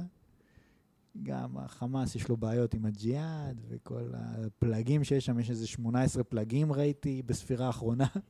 זאת אומרת... היום בבוקר קם... אה, אבו עלי אקספרס, הוא כן. אומר, אוקיי, אה, יש עוד ארגון שפרסם אה, עדות שלו, תיעוד מצולם שלו, יורה רקטה. ועכשיו מספר הארגונים שהשתתפו בלחימה בשומר החומות עלה ל-18, ואתה רואה אצלך, 18 ארגונים, מה כן. קורה פה? אבל אוקיי, כאילו החמאס פחות או יותר שולט, הרשות שולטת שם, הגיע אה, באיזשהו מקום הזמן, אולי, כן, אם המודלים האלה פחות או יותר עובדים, מהסיבות שדיברתי עליהן, של אותה דוגמה שהבאתי מאוסטרליה, של איך אתה צריך להיות מעורב עם האוכלוסייה בעצם כדי אה, אה, אה, להיות מסוגל לשמור על הסדר, אז אולי זה גם בתוך ישראל גופה, כמו שראינו בשומר החומות, שהמצב אה, באמת הפתיע את כולם, עד כמה הוא חמור, אז בעצם הרעיון הוא להכניס אותם לתוך המערכת השלטונית, כדי שהם ירגישו חלק מהשלטון, כדי שיהיה להם דיאלוג עם השלטון, בדמותו של מנסור עבאס, שהוא מגיע לאיזה שהם הסדרים, וזה מצליח לקרות גם בשטח, ואם משהו אה, נעשה לא כמו שצריך, אז הוא דואג לזה שלא תהיה את הבנייה הבלתי חוקית במקומות שלא צריך, וכן יהיה שיתוף פעולה עם השלטון. בעצם מין לייצר את, ה, את האחיזה הזאת של השלטון במקומות האלה. יעבוד, לא יעבוד, אולי, אני לא יודע, אולי אני אה, מדמיין, אבל כ- כ- כעיקרון כללי, זה העיקרון הכללי. זאת אומרת, ביטחון מדבר על אה, שלטון מתפקד וחזק. זה עם איזושהי נגיעה ל- לחברנו בימין, שמדברים כל הזמן על, אה, בוא נגיד, אה, נגיד, אה, הליברטריאנים למיניהם, שהם איכשהו אסוסייטד פחות או יותר עם הימין, אז מי שרוצה כאילו חופש ושלטון מרכזי מוחלש, אז הוא לא מקבל אוטופיה, מה שהוא מקבל זה מערב פרוע. מערב פרוע. מערב פרוע זה בדיוק זה. חופש גדול מאוד. לא, אבל מה שאנשים עושים עם החופש הזה... בלי שלטון. ומי שיש מה לו שאנשים ששולף את עושים האקדח הכי בחופש מהר. אז, הזה, זה לא מייצרים דברים נפלאים, אלא הורגים אחד את השני. זה בני אדם. ואתה צריך את אותו שלטון מרכזי שיהיה חזק, שישמור על הסדר ועל מערכות מתפקדות. תראה, האמת היא שאתה אתה ואנחנו צריך... רואים את זה בכל מקום. התורה היא פה, כרגיל, תורת האמצע. אני, אני טיפה מסתייג ממה שאתה אומר. אני לא לגמרי מסכים. למה? כי לחיות במערב הפרוע, שזה חרא. זה כנראה יותר טוב מלחיות אצל מאו. קודם כל, אתה כנראה חי במערב הפרוע עד שיורים בך, ואז אתה מת, לפחות אתה מהר, מת יחסית מהר. ואצל מאו אתה גווע ברעב לאט. אז כאילו, יש אין לנו... דרך- אני מסכים? איתך, אני לא חולק עליך את הדעות. אני יודע לא שאתה לא חולק עליי, לא אני רוצה לא לבאר. את הנקודה. לא, בסדר, אבל לא חולק על דעתך, נכון. יש, זה, זאת אומרת, זה הבסיס לחברה מתפקדת. שלטון שאנשים מכבדים אותו ומצייתים לו. האם הוא יכול לגרום גם נזק? כן. האם צריך איזונים ובלמים? כן, כנראה שכן. אבל בסופו של דבר, אם אין לך את זה, אז אין לך שום סיכוי. לא, אני- אבל אני אגיד לך מה- ההבדל, אוקיי, מה ההבדל בין המצב הקיצוני האחד, המערב הפרוע, למצב הקיצוני השני, מאו או סטלין, שהמערב הפרוע יותר מותאם למציאות. כי שם כולם יודעים מה הכללים, לכולם יש אקדחים, וכולם מבינים כאילו שאתה עלול להסתבך פה, עלול לא, אין להסתבך לנו שם. ויכוח על זה. אני יודע שאין, אני לא אומר את זה בשבילך, אני אומר את זה בשביל אה, מאזיננו היקרים. ואצל מאו אין התאמה למציאות, ולכן שם התוצאות הרבה יותר גרועות. זאת אומרת, זה, זה, שניהם לא הדברים שאנחנו היינו רוצים. אנחנו רוצים פחות או יותר מה שיש לנו בחיים האישיים שלנו. אנחנו חיים במקומות יחסית מוסדרים, אין אלימות ברחובות, הכל בסדר. אבל אנחנו בישראל, וכאילו יש פה מלא בעיות שאנחנו מדברים עליהן כל הזמן, כן? אנחנו אומרים, אנחנו רוצים את המודל הזה, להרחיב אותו כפי הניתן ובהתאם לתנאי, לתנאי השטח. אז אם זה השטחים, אוקיי, אז הרשות הפלסטינית עושה את העבודה. אין שם מה שיש פה, יש שם משהו אחר, פחות טוב. אנחנו לא היינו רוצים לחיות ברשות הפלסטינית, נכון? יש הרבה שחיתות, זה לא כאילו מדינה הכי מוצלחת. אבל זה יותר טוב מבלגן שלם ומילדים יהודים שמסתובבים ברחובות ויורים בכל מיני, כן, בכל מי שבא להם. בסדר, אתה יכול להיות שהמצב בלי שלטון יהיה יותר טוב משלטון גרוע, אבל בלי שלטון אף פעם לא יכול להגיע למשהו שמתפקד. כן, למשהו באמת טוב. תשמע, גם השאלה, זה עניין של טעם, אולי אתה אוהב מערב פרוע, לא יודע. כאילו, אני בטוח שהיו אנשים ש... כן. אנחנו לא אוהבים. לא, אבל בתחרות שלך מול מדינות מתפקדות, אתה תפסיד. אה, פשוט כן, תפסיד. זה נכון. וכמו שיודעים, בעולם הזה, מי שחלש, אה, מצבו לא כל כך טוב. אז נסכם קצת על ה- על העניין בוא נסכם הביטחוני הזה. ונתקדם גם, כי יש לנו פה עוד הרבה... לא, לא, בוא נסכם, זה, זה, זה הלב של העניין פה. אה, של החלק הזה לפחות. אנחנו, כדי באמת להגיע לביטחון, אז זה פחות...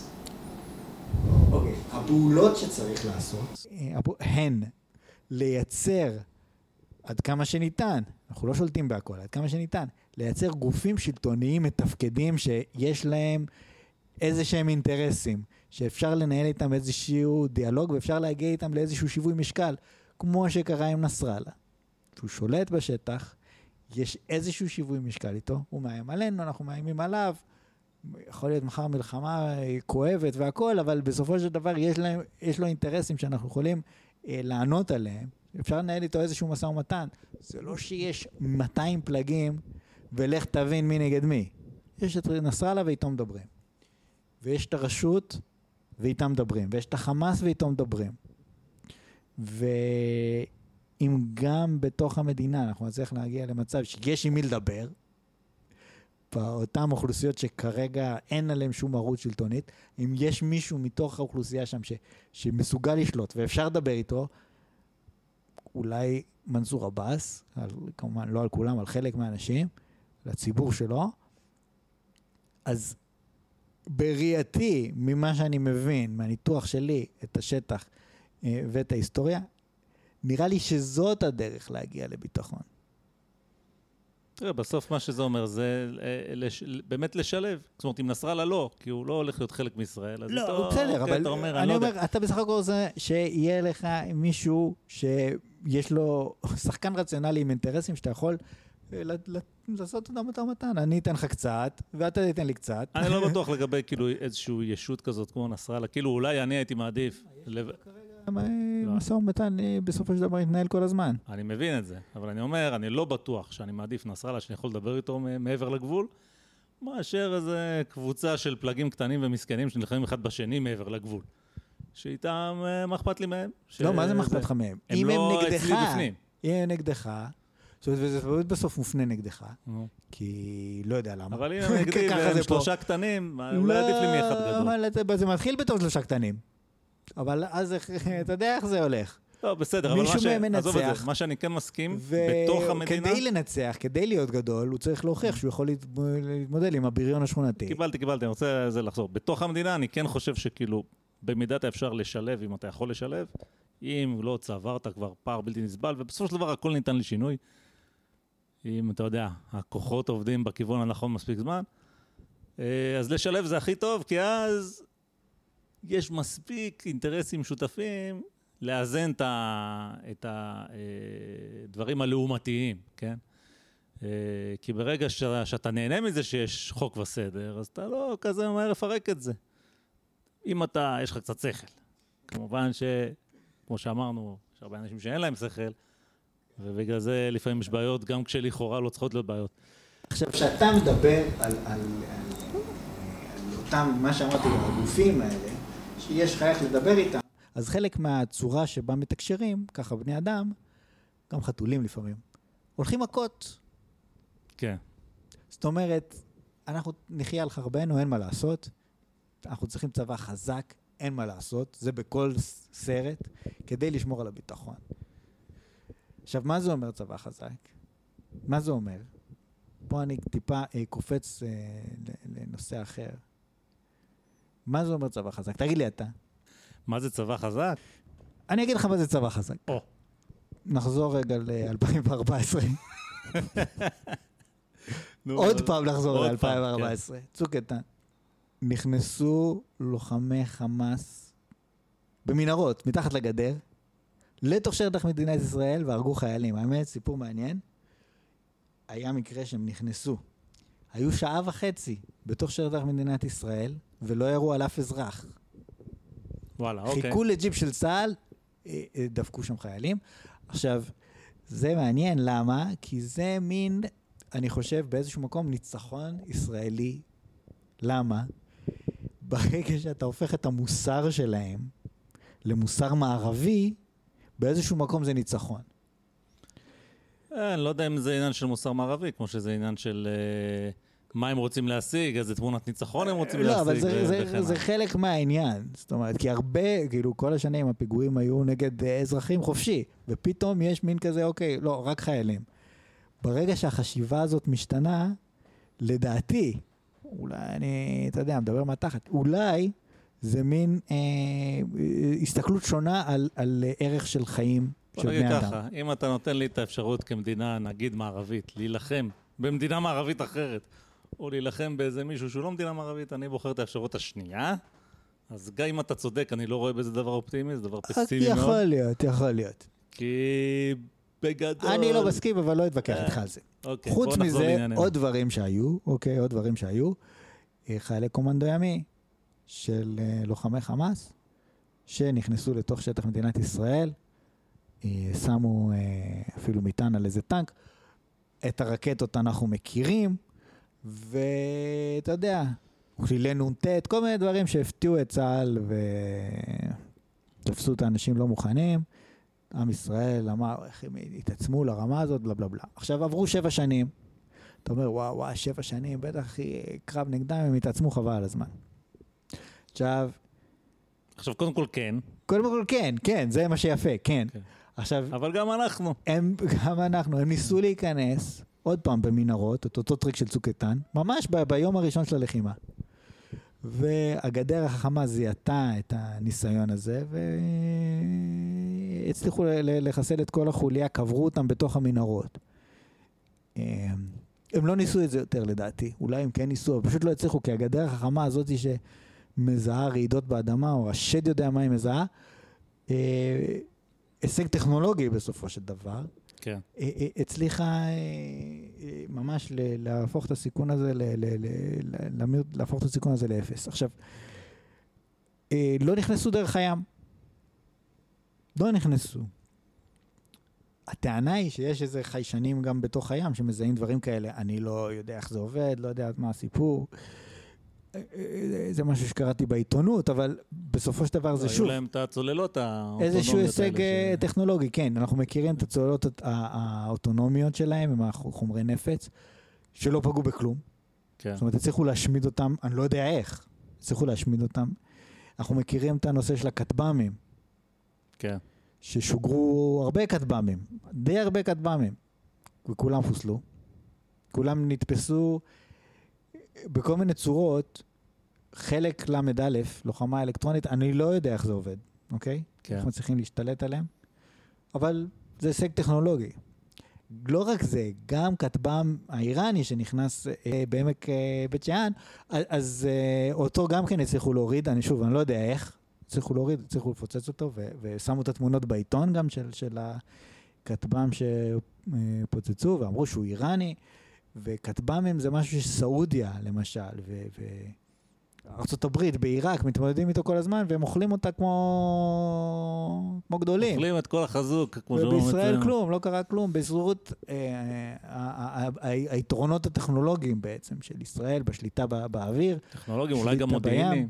שליטה בזה, כן, אנחנו מכירים אה, את הדברים האלה. עכשיו, כל ההפתעות האלה, כן, ההפתעות החדשות האלה, בעצם לא, לא גרמו שום נזק ל- לישראל, ואני חושב, אם אתה שואל אותי, שהחמאס היה מאוד מאוד מופתע מזה. זאת אומרת, הוא בטח לא ציפה שהניסיונות שלו אה, אה, לפתח את הדברים האלה ו- ו- ולהפעיל אותם על ישראל, בעצם לא יגרמו שום נזק. הוא, הוא פיתח אותם כדי לעשות נזק. כן, ש...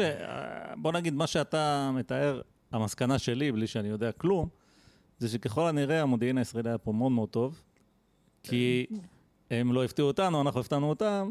למה? כי ידענו כנראה על ההפתעות שלהם מראש. המדיניות- המודיעין היה, שוב, לא, עוד לא דיברנו על זה שידעו איפה המנהרות ורוקו את הפצצות, חודרות בונקרים שמוטטו חלק גדול מהם. זה גם כן איזשהו הישג מודיעיני, וגם נקודה חשובה, שהיא מאוד חשובה, שהיה מבצע ממש בתחילת השומר החומות, שצה"ל הגדיר אותו כמבצע חסר תקדים, שצה"ל ושב"כ חיסלו 16 לא, אה, בכירי חמאס במקביל, והם היו בעצם מהנדסים, כן, מהנדסים של החמאס. זאת אומרת, גם לוחמי סייבר בשלב יותר מאוחר בשומר החומות, חיסלו אותם בדירתם, וזה היה חלק מאוד אה, אה, בולט במבצע. שהאנשים שרודפים אותם במטרות החשובות, זה האנשים הטכנולוגיים בצד השני. כן. אתה מכיר את המערכת ההגנה על הגדר החדשה? שילוב של המכשול הססמי הזה? לא, אין לי מושג. אוקיי. אז יש לנו בעצם רכבים, יגואר נדמה לי קוראים לזה, רכבים אוטונומיים, מהמם. עם אה, מקלע עליהם, שיושבות כמה בנות בחדר, ואומרות לרכב, תלך לפה, תלך לשם, ואם צריך לירות, יורים, יש מצלמות שאומרות לך זה, והוא יודע לנסוע לבד. הוא לא צריך נהג, הוא יודע להתחמק מבורות, לא להיתקע בעצים, הוא יודע לעשות זה לבד. לאותת כשהוא פונה. לא, הוא כנראה גם כן. לא יודעת שהוא פונה, זה אוקיי. היגואר. בנוסף, יש רחפנים. כן, יש קופסאות כאלה, סגורות, זה פרסמו בעיתון, כן? שכשיש איזושהי, איזושהי בעיה, איזושהי התראה על הגדר, פשוט נפתחים הקופסאות, הרחפנים עפים באוויר, לבד. זאת אומרת, אה, מי שראה את ההופעה בסופרבול של ליידי גגה, ראה שעשו דגל ארה"ב מרחפנים מאחוריה. זאת אומרת, כן. זה רחפנים שעובדים במקביל ומייצרים את, דרך, אה, את דגל ארה"ב. אתה רק צריך להגיד להם איזה צורה לייצר, והם יודעים לעשות זה לבד. ומשתמשים בזה מן הסתם גם בשיבושים צבאיים, כמו שקורה לכל דבר. אז רחפנים שפועלים אוטונומית, אתה שולח אותם, והם יודעים לפעול בקבוצה, ובעצם כשיצא לי פעם לשמור על הגדר בעזה, אז היו נוסעים שם בנגמשים. זאת אומרת, אסור היה להתקרב לגדר, אלא בנגמש. זה היה ב-2003, כן? ולמה? כי אתה רוצה את החיילים שיהיו ממוג... יחסי, ממוגנים, כמובן נגד נ"ט זה לא שווה שום דבר, אבל אה, כאילו ממוגנים, וזה יקר לך. כי, כי החיילים זה דבר יקר לצורך העניין. כן. ואתה צריך למגן אותם. כל פעם שהאיום עולה, אתה ממגן אותם יותר ויותר. אבל מה קורה עם היגואר, או הרחפנים האלה? שיורידו 100 מהם, כאילו את מי זה מעניין? רחפן עולה 2,000 שקל, כן? היגואר הזה, במקום שכל הזמן תצטרך להעמיס ולהעמיס ולהעמיס עליו מיגונים כדי להגן על החיילים, אתה יכול לשלוח אותו ככה, ג'יפ ערום עם רובה. אתה לא צריך בעצם למגן אותו, יפוצצו אותו, ואללה ירחמו, כאילו למי אכפת? עכשיו, זה, זה פה שינוי מהותי, כי גם יותר קשה לטיל נ"ט לפגוע במשהו, ברכב לא ממוגן. רכב לא ממוגן, הוא פשוט עובר דרכו. כל הפואנטה של, ה, של טיל נ"ט זה כאילו לחדור ולהתפוצץ בתוך הרכב הממוגן. כן. בתוך, בתוך הטנק, ואם הטנק מוסיף עוד שכבות הגנה, אז אתה צריך לחדור את כולם ואז להתפוצץ. ומה שקורה עם הרכב הזה, אתה פשוט פשט, עובר דרכו ולא קורה לו כלום לצורך העניין. אז אה, לא מדויק, תלוי איפה אתה פוגע בו, אבל כאילו זה, ה... זה בעצם נותן לך יתרון מאוד גדול. וכאילו נראה שיש, כאילו ההתעצמות הזאת שמדברים עליה, ממש בשנים האחרונות עברה מהחיילי גולני האמיצים ליחידות הטכנולוגיות של החנונים הלא אמיצים. כן. שהם בסופו של דבר משנים את, את פני המערכה, אותם טילים ש, שפוגעים ממצלמה, ויש עוד המצאות, כל מיני המצאות מאוד משונות בשדה הקרב. וזה כמובן כל מיני אמצעים שאתה, לא, עוד לא דיברתי בכלל על אמצעי הזנה וכל מיני דברים כאלה. יש למשל את ה... יש פרק של זמן אמת על הפנתר, נדמה לי הפנתר, השורה, לא זוכר איך קראו לו, אברהים חמד, שהיה מבוקש, אה. אה, והוא היה מסתובב בלי טלפון, זה, זה מהאינתיפאדה השנייה, הוא מסתובב בלי פלאפון, והוא היה מאוד מאוד, אה, מאוד שמר על מידור. וכן הצליחו טכנולוגית לפרק אותו מודיעינית. בעזרת צילומים מהאוויר. של אברהים חמד, שמזהים, אפשר לזהות אותו, אני מנחש, אוטומטית, עם זיהוי פנים, ולעקוב אחריו, לראות עם מי הוא נפגש, וגם מפגשים כאלה ש...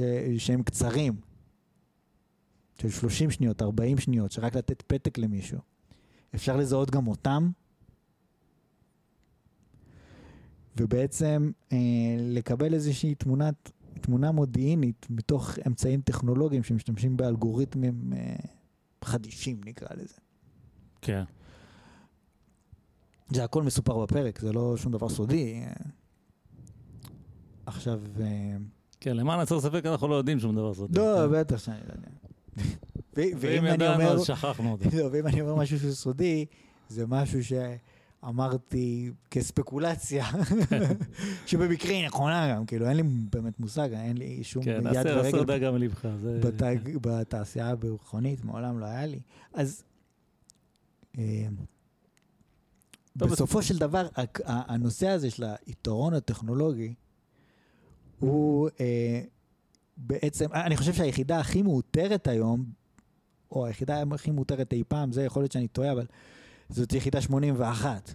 יחידה 81 זה כאילו ה...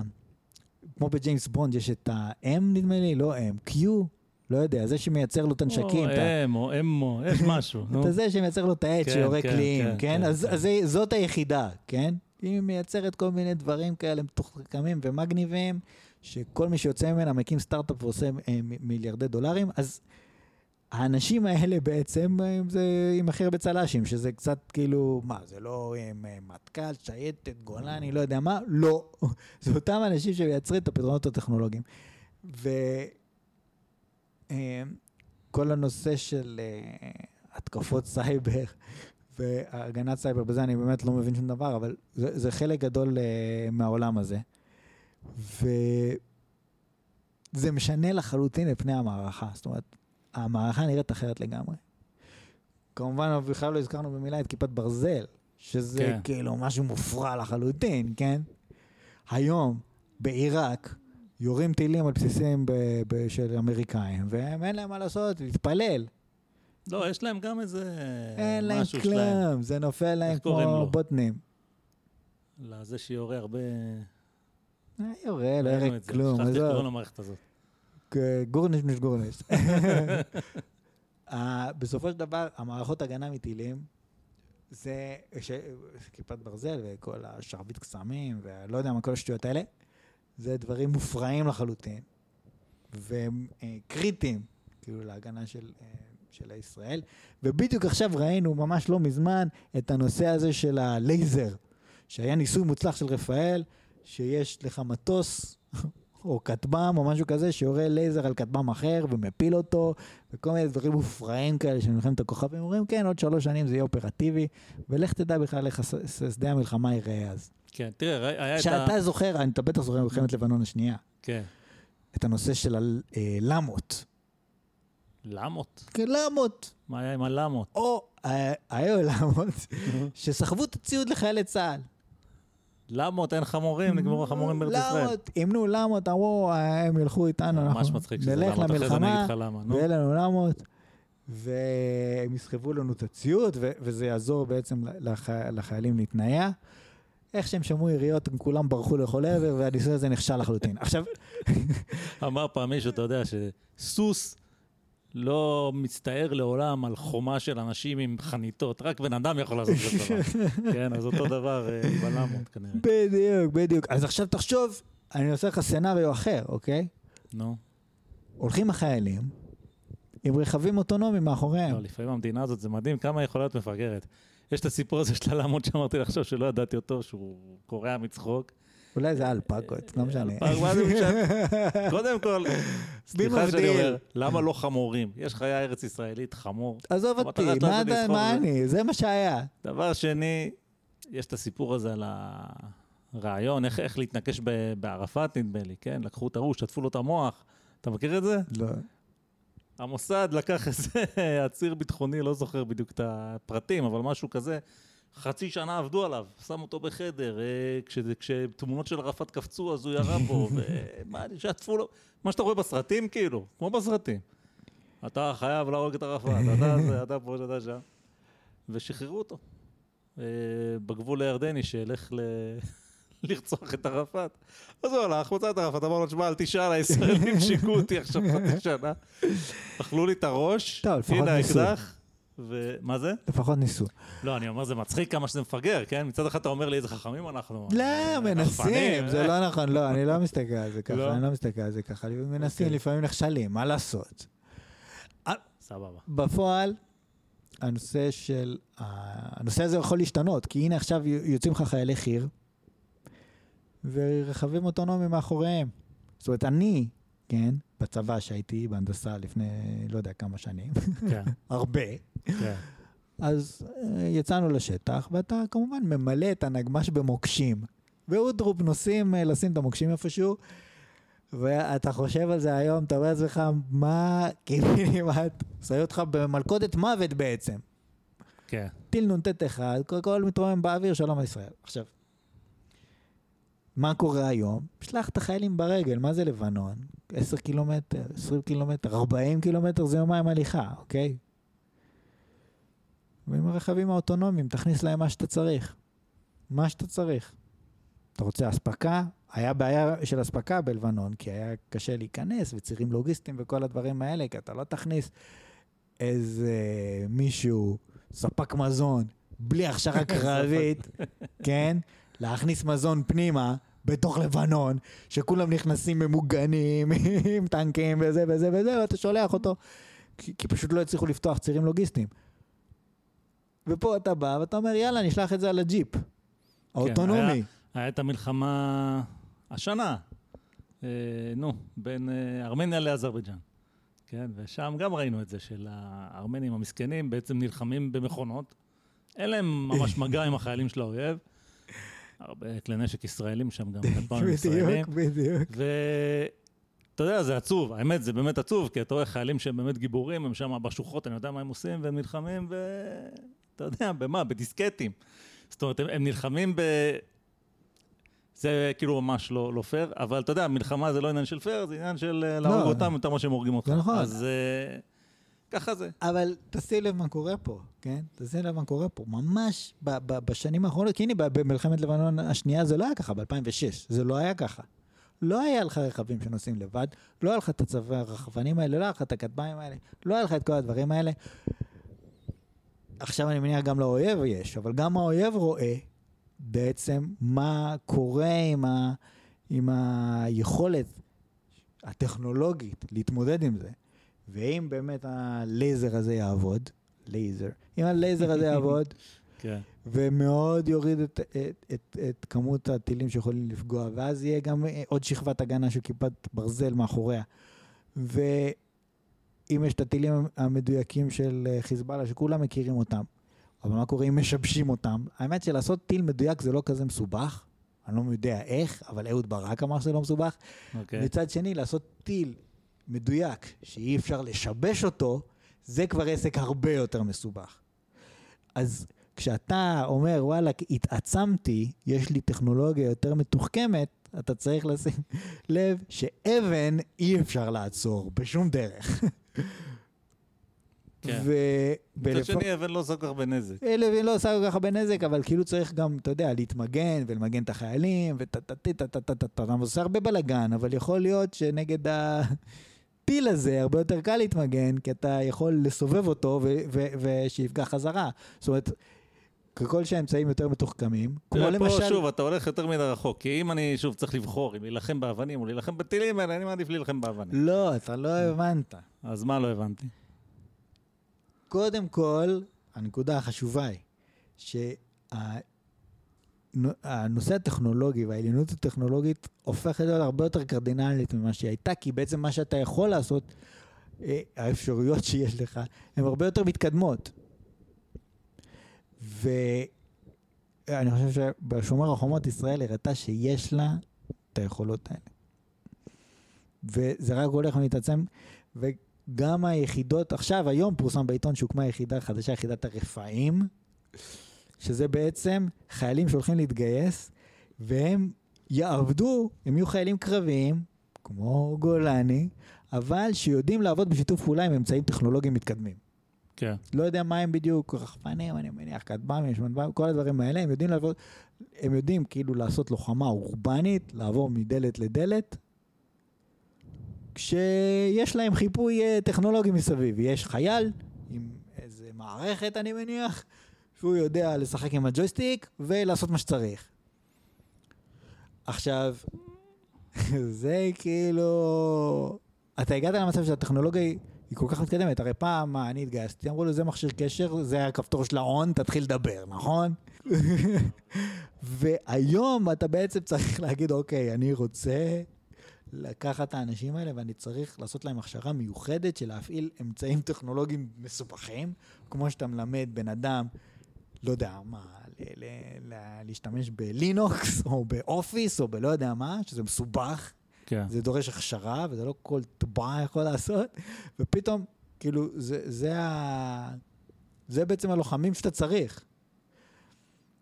וכל העניין הזה ממש משנה את שדה הקרב בצורה מהותית. ואנחנו רואים מה קורה עם כל הרו... עם הרובוט הזה של רובוט של Boston Dynamics, שאנחנו רואים אותו רוקד כמו איזה חמור. אתה מסתכל עליו ואתה פשוט יודע שהוא יירה על מישהו מתישהו. זה בכלל לא שאלה. הוא רק רוקד כדי לבלבל אותך. אולי הוא כבר עכשיו עושה את זה. כן. ואני חושב אנחנו מבינים את זה שזה הסכנה מהצד השני, ואנחנו מחסלים את המהנדסים. לוחמים, מה זה לוחמים? לא צריך... אין סיבה לפגוע בהם בכלל, הם לא מעניינים. אה, אתה יודע, רק אם ממש הם כבר עומדים להגיע לפגוע, אז אתה יורד טיל, ממוטט להם את המנהרה, אבל בעיקרון מי שמעניין זה המהנדסים. ואם אתה מחסל את המהנדסים, אתה שם את הצד השני בבעיה, וכאילו אצלנו, החלק של, אתה יודע, עוד עתודאים ועוד תלפיונים ועוד יחידות טכנולוגיות ועוד יחידות טכנולוגיות, כדי אה, לייצר את אה, הכלי נשק האלה, גם ההתקפים וגם ההגנתיים, כדי לייצר את העליונות ולהביא ביטחון. כן, שים לב גם ל... בוא נגיד, יש לזה שני היבטים אה, נוספים. אחד, כן, זה הכל נורא נורא חדשני, אבל צריך גם לזכור, בעצם עולם כמנהגו נוהג זה המשך התפתחות המלחמה, כאילו, מאז שחר ההיסטוריה. זאת אומרת, הצד שהוא, אמרתי קודם, האימפריה הבריטית, יש לך, זה, זה לא רק עניין של האמצעים הטכנולוגיים המתוחכמים יותר, זה גם עניין של, אה, יש איזשהו תחכום מעבר לטכנולוגיה פר סה, שהוא תחכום של ניהול ותחכום של אה, חשיבה כלכלית, חשיבה אסטרטגית, לא יודע איך לקרוא לזה. אמרתי קודם, כן, אנגליה הקטנה שכאילו שולטת בכל העולם במשך איזה מאה שנה, בסדר? מצליחה לשלוט בכל העולם. נכון, היו להם רובים וליריבים שלהם לא היו רובים. אבל קודם כל, גם ליריבים שלהם היו רובים, כן? בשלב מסוים. כי ברגע שאתה בא במגע עם הטכנולוגיה הזאת, אתה כבר משיג אותה, קונה אותה. אבל ההבדל הוא הגדול שהם הם קונים אותה, הם לא מייצרים אותה. והם לא יודעים uh, להשתמש בה בצורה אפקטיבית, כן? כי לצורך העניין הצבא האנגלי, אז הם עומדים uh, שורות ויורים לפי התורות, ויש לזה תוכנית, וכאילו זה לא עצם זה שיש לך רובה ולהוא אין רובה. Uh, אז יש את האלמנט, כן, הטכנולוגיה המתקדמת זה יתרון, אתה צריך גם איזשהו תחכום של איך להשתמש בזה נכון. אמרנו, כוח... דיברנו, יחידת רפאים. כן, כן, כן, כן, לא, מה שאתה אומר זה לגמרי זה, אני ממשיג, ממשיג את, ה, את הדברים. זה אחד. שתיים, בהחלט, כאילו שוב, זה המשך, המשך מה שתמיד היה. מלחמת העולם הראשונה, ארבע שנים, כולם בשוחות, עושים את אותו דבר. בסוף, יש טנקים, כן? בעצם פיתחו את הטנקים. וברגע שלצד אחד היה טנקים ולצד שני לא היה טנקים, אז המשחק הזה נגמר. אפשר כבר לעבור את השוחות, מה שהיה כאילו בלתי אפשרי לחלוטין לעשות אותו עד אתמול. ופתאום יש טנקים, ומלחמת העולם השנייה יש את ה... זה אולי הדוגמה הכי טובה, כי שם יותר uh, uh, חיילים מתו בצד שניצח, כן? זאת אומרת, אם אתה מסתכל על יחס מי הרג יותר, אז uh, כאילו מעצמות הציר הרגו יותר. אבל מי ניצח? מי שהיה יותר מתוחכם. גם, אגב, לא, לאו דווקא תחכום זה לאו דווקא מה שאתה חושב. כאילו, כאילו, הטנק הכי טוב במלחמת העולם השנייה זה טנק גרמני, זה הטייגר, מה שנקרא. הוא יותר טוב מכל הטנקים של בעלות הברית. אבל, הגרמנים מייצרים אותם במפעלים כאלה, שיש לך כמה אנשים כמו פולקסווגן כזה, כן? שאנשים מרכיבים ביד את הטנק, כאילו. ובאמריקה יש פס ייצור ומשפריץ כאילו טנקים בכמויות, אז כאילו, התחכום זה גם לא תמיד מה שאתה חושב. זאת אומרת, פתאום, אוקיי, יש לך 50 טייגרים כאלה, אבל באה פלוגה של 200 אה, טנקים אמריקאים, ואחרי שאתה משוויל אותם, באים עוד 200. ומטוסים אותו דבר, כן, זאת אומרת, גם, המטוס הכי מתקדם היה יפני, הזירו, בתחילת המלחמה. אבל לא היו מסוגלים להמשיך לקדם את הטכנולוגיה וגם להילחם. סוף המלחמה, כבר המטוסים האמריקאים יותר טובים, וגם יש כאילו מלא מהם. כי התחכום הוא באחורה, בשיטות ייצור המתקדמות האמריקאיות, שזה היפנים לא ידעו לעשות טוב. אז יש המון סוגים שונים של תחכום, אבל אין ספק שכאילו, ה... זאת אומרת, זה גם, זה הטכנולוגיה פר סה, והניהול הנכון שלה, והעוצמה התעשייתית, להפיק את זה בכמויות, כן, אמרת רחפנים, אני צריך מיליון רחפנים. זאת אומרת, חלק מהעניין זה שגם יש לי הרבה מזה ואני יכול לייצר את זה בזול. זאת אומרת שמבחינה, אני כלכלה מתקדמת, כאילו, כן? אני הסתכלתי על, עכשיו גם החמאס לדעתי כן התעצם במידה רבה, או פשוט בסיבוב הזה התעצם פחות נגיד, שבאיזושהי, אני לא רוצה להכליל עכשיו כי זה לא נכון מה שאני אגיד, כי אני הולך לתת איזושהי הכללה והמציאות תמיד יכולה להפתיע אותך. אבל בגדול, קשה לי, כאילו באיזשהו מקום, יהיה להם קשה לנצח ככה, כל עוד אנחנו ממשיכים לעבוד. אתה גדל בכל עוד אתה, אתה יודע, הכלכלה שלך עובדת טוב, אז אתה גדל ביחס לכמה שאתה גדול. אז גם אם הם מתעצמים, אנחנו מתעצמים יותר, כי אנחנו מראש יותר גדולים. לא, אז... יותר מזה, זאת נקודה חשובה, ויותר מזה. הסתכלתי, אבל חכה שנייה, הסתכלתי פעם על תקציב הביטחון. אני לא זוכר את המספרים, אבל תקציב הביטחון הישראלי הוא כאילו חצי מהתמ"ג הפלסטיני או משהו כזה. זאת אומרת, אם הפלסטינים, כולם, לא רק אלה שבעזה, רק יעבדו בלפתח אמצעי לחימה ו- ודברים כאלה, אז אנחנו עדיין נוציא פי שתיים יותר מהם. כן? ואצלנו תקציב הביטחון זה כמה אחוז מה... מהתקציב, אני לא זוכר. לא יודע, די- הרבה, לא יודע. די הרבה, אבל זה, זה, מה, זה לא חצי, נכון? לא, זה לא חצי, זה לא חצי. 20 אחוז, 10 אחוז. אה, בערך 15 אחוז נראה לי. נגיד 50, זאת אומרת, 50 מאיפה, העוצמה מתוך באה אה, בעצם? 360, לא יודע, העוצמה באה, 420. כאילו במקרה הזה יש איזשהו אלמנט פה, בדימוי שעשיתי קודם, כן, ארה"ב מלחמת העולם השנייה, שהיא מתחילה בלי צבא בכלל, כן, עם צבא זניח, שלא... זה. אבל יש לה את הפוטנציאל התעשייתי, היא יודעת לייצר, כן?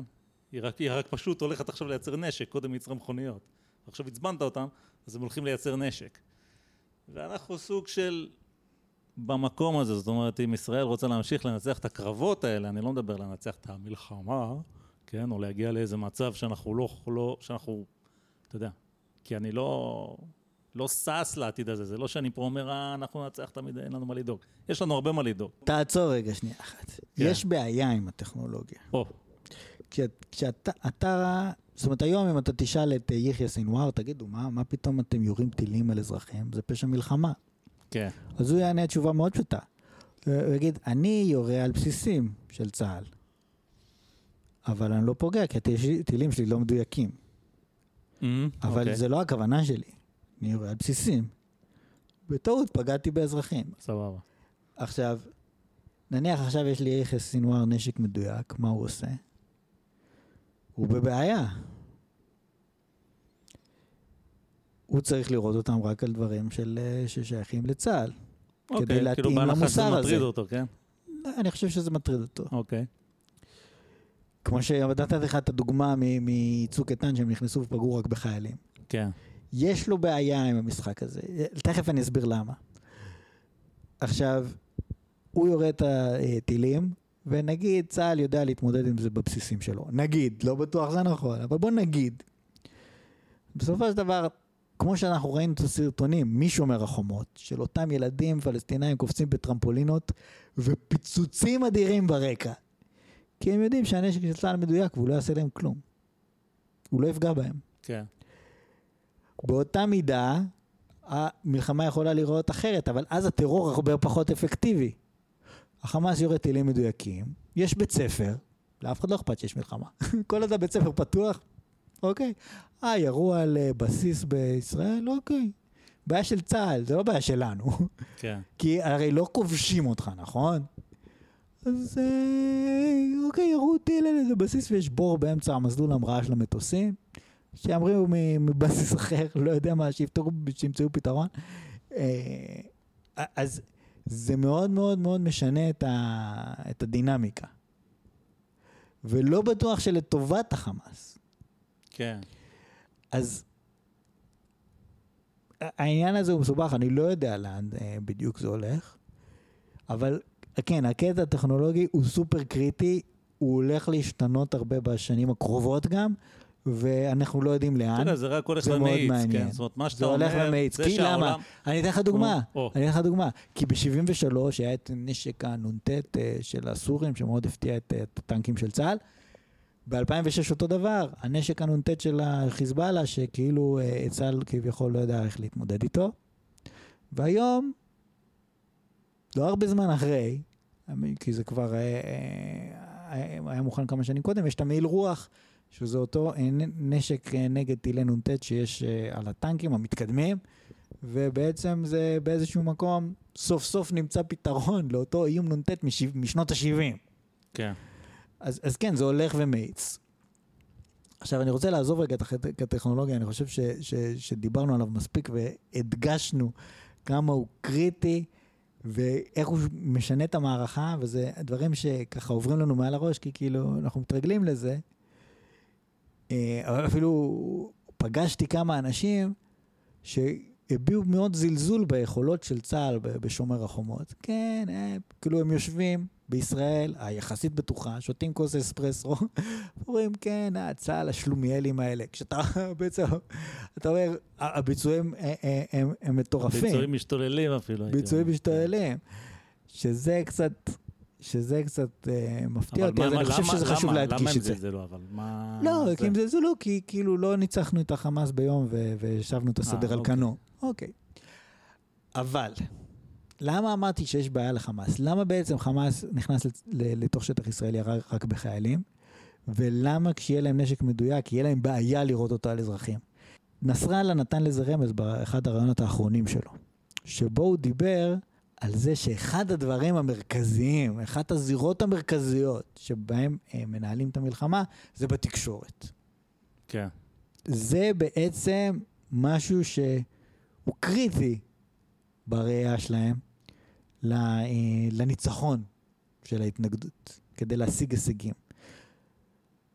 באיזה מובן זה בא לידי ביטוי? הוא בא לידי ביטוי ש, שנגיד אומרים לך אל-אקצא בסכנה, ומלהיטים את הרוחות, למרות שאתה בתור ישראלי, ברור לך, כאילו, בתור יהודי, שאתה גר פה, ברור לך שאף אחד לא הולך לגעת בהר הבית.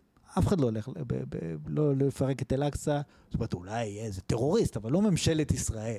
כן. ומאוד נזהרים שם, מאז ומתמיד, אבל ממש כאילו בזמן, בשומר החומות, סביב שומר החומות, פתאום חמאס, במקום להגיד, אה, כן, אה, המצור הימי ונמל תעופה וכל מיני כאלה, הוא אומר, אה, לא, אל-אקצא, אנחנו נלחמים עכשיו על אל-אקצא. ומאוד מלהיטים את הרוחות ברשתות. ובצורה הזאת הצליחו לאחד באיזשהו משהו ש, שהם נכשלו לעשות עד עכשיו, הצליחו לאחד את ה... אה, כל מיני פלגים, את ערביי ישראל, אה, חלק מהגדה, נסראללה כבר אמר, אם ייגעו באל-אקצא אז אני אתכנס גם, והחות'ים בתימן כבר הסכימו, וגדודי חיזבאללה עיראק אמרו, כן, כולנו, אם ייגעו באל-אקצא, כולנו מצטרפים זה ללחימה. אגב נראה נחמד שהם אומרים, אני תוהה לעצמי כמה מהם יודעים היטב שלא ייגעו באל-אקצא. לא, אף אחד לא יודע. כי כאילו החמאס, כן. כאילו חלק מהמלחמה השקשית זה להגיד, כן, אל-אקצא בסכנה, אם אנחנו לא נילחם, עוד שנייה מפילים אותו. כן, כדי לשמר את המוטיבציה ואת הזה, אה, אצל הצעירים להילחם, כי אתה צריך לגייס אנשים שיילחמו בשבילך, אתה צריך לגייס מהנדסים שיבנו בשבילך את הטילים, והם צריכים מוטיבציה בשביל זה. וזה, מש- ככה משלבים לא, בסדר, משלבים את מאוד האנשים, וזה הפן- עניין תקשורתי. גם את הפן התקשורתי של... חוץ אה, מזה, כן. חוץ מזה, אנחנו כבר רואים בארצות הברית, כן, באגפים, אה, אנשים מסוימים, ב- The Squad, כמו שקוראים להם, במפלגה הדמוקרטית, שהם אה, נגד ישראל. ובעצם, אם ארצות הברית תהיה נגד ישראל, אנחנו ממש ממש ממש בצרות. כן. לא סוף העולם, כי תמיד אפשר לחבור לסין ולקרוא איתם ברית וכל מיני דברים כאלה. אפשר, אפשר ללכת ל, ל, לצד השני, אבל אנחנו נהיה, בצ... זה לא יהיה נעים אם, אם, ארצות הברית תהיה נגדנו. והדעת הקהל בארצות הברית, אצל חלק מהאנשים, כמובן יש את האנשים שהם תומכים מאוד גדולים של זה, כמו האוונגליסטים וכל מיני כאלה, תומכים מאוד גדולים של ישראל כביכול. תראה, אני לא יודע דעת הקהל, אבל יש את הפוליטיקאים אני האלה מכיר שהם אישית דוחפים אה, זה. יהודים, אמריקאים אנטי-ציוניים לחלוטין. כן.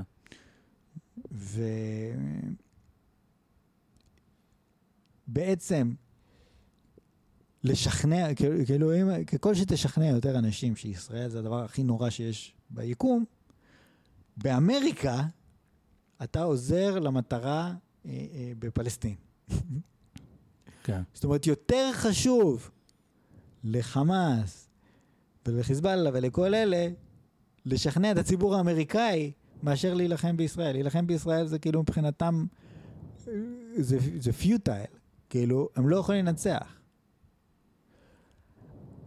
אבל אם הם ישכנעו את האמריקאים לא לתמוך בנו יותר, אז אולי הם כן יוכלו לנצח. אז בעצם המלחמה, המלחמה התקשורתית פה זה לב העניין. כן, ו- ו- ואם אמרנו קודם, כן, והפלגנו בשבחים על היכולות הטכנולוגיות המדהימות של צה"ל, אז פה אנחנו די גרועים. זאת אומרת, בעצם כן, אם אתה אומר גרועים. מי יותר טוב ממי, אין שום ספק, הערבים יותר טובים מאיתנו בזה, בפער. בהליכה. אנחנו לא יודעים לעשות את זה. היה עכשיו סקר, התפרסם סקר הברית, שלא יודע מה, איזה 22% מהיהודים אה, בארצות הברית, אולי זה רק יהודים שהצביעו למפלגה הדמוקרטית, אני לא בטוח, אני לא זוכר בדיוק אה, אה, את הפרטים המדויקים של הסקר, אבל זה היה 22% או מהיהודים או מהיהודים שהצביעו למפלגה הדמוקרטית, שאומרים שישראל מבצעת רצח עם. כן. עכשיו, זאת אומרת, אין פה רצח עם. כאילו, טוב, אצלם אתה יודע, אצלם רצח עם זה אם אה, איזה ילד לא קיבל גלידה. כאילו זה יכול להיות רצח עם. המושג הזה, רצח עם, הוא כן, עבר לא, זילות. genocide, ממש genocide, genocide. אני מדבר על genocide. כמו שבישראל אומרים נאצי, אה, הוא צעק עליי איזה נאצי הוא. אתה יודע, המילה נאצי קצת לא, כאילו, אנחנו לא מתרגשים. בסדר, אומרים את זה בחיבה. לא, זה- בהומור, אני אומר שם, כאילו, genocide הולך בכיף. כן, והמילה אפרטהייד, כן, אפרטהייד. לא, למרות שהאמת שחשבתי על אפרטהייד, אתה יודע, אני תמיד בתור ישראלי, תמיד נורא התרעמתי על זה שאומרים ישראל מדינת אפרטהייד. חייב להגיד שחשבתי על זה, יש בזה משהו. כי, לא, יודע, יש בזה משהו, ברור שיש כן. בזה משהו. מצד שני, בוא בוא- בוא נגיד דבר כזה, בוא נגיד דבר כזה. בגדול, כן, עושים פה, שבשטחים מסוימים עשו ethnic cleansing, לקחו אנשים והזיזו אותם. אבל עשו את זה גם ליהודים, גם ממשלת ישראל גם הזיזה יהודים לא, מהמקום אבל זה לא שלהם. מדבר על זה, אני מדבר לא, איתך על זה שיש לך. המון אנשים פה שהם כזה... לא, אבל שנייה אחת. מופרדים, הם לא אזרחים, הם לא אסורים ככה, אסור להם פה לאט לאט, לאט לאט. אז כשאתה אומר ethnic cleansing, שזה, אתה יודע, אז עשו את זה פה גם ליהודים וגם לערבים. וכשאתה אומר אה, אפרטהייד, מה זה אפרטהייד? זה כאילו, אוקיי, יש פה את המיעוט היהודי שעושה מה שבא לו, ויש חוקים מאוד strict על המיעוט הערבי. זה לא בדיוק ככה. למה? כי אם למשל אני הולך עכשיו לשטח A, אני הולך לרמאללה, משטרה פלסטינאית תעצור אותי, ובתקווה יחזירו אותי אחר כבוד לצה"ל. כן. לעומת זאת, אם ערבי ישראלי ייכנס לרמאללה, לא יקרה לו כלום. זה אני ראיתי בעיניים שלי. מהמם. זאת אומרת, יש לערבים ישראלים חופש תנועה מוחלט, וזה בכלל לא מוסתר. הנה, עכשיו אה, לא, גנץ כן, פתח את המעבר לג'נין. לא ישראלים, ולהם אין חופש תנועה. לא, זה בסדר, אבל אתה מבין שכאילו כן, ליהודים אסור להיכנס, ולערבים מותר כן. לאזורים מסוימים. וכן, זה נכון שאין חופש תנועה, זאת אומרת, אין להם חופש להיכנס לתוך ישראל. המצב שלהם, אה, נקרא לזה, אה, אזרחית הוא מסובך, כי הם לא אזרחים של מדינת ישראל. כן. ובפועל אנחנו יודעים שהם, אתה יודע, מהווים סיכון ביטחוני, בסופו של דבר. בואו לא נתעלם מזה. לא, יש סיבה לכן ל- יש ללמה. דברים הם מה שהם, אבל אם אתה רוצה להגיד, אז אתה יכול להגיד. לא. בסדר.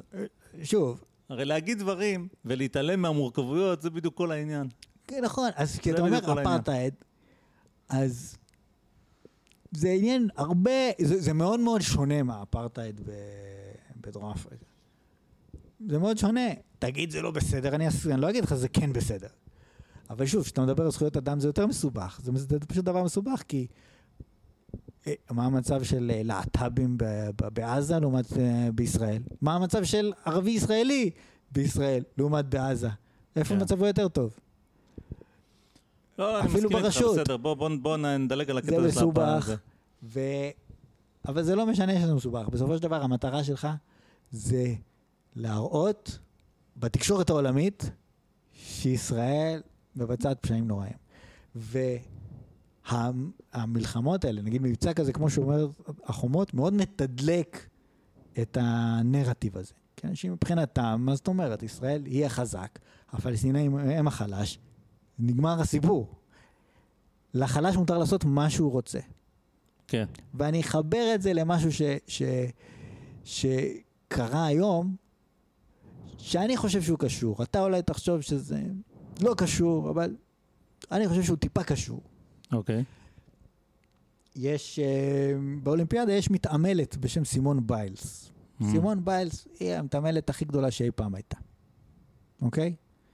כוכבת על בארצות הברית. היום, במהלך התחרות, היא הלכה למאמן, אמרה, אני לא יכולה יותר.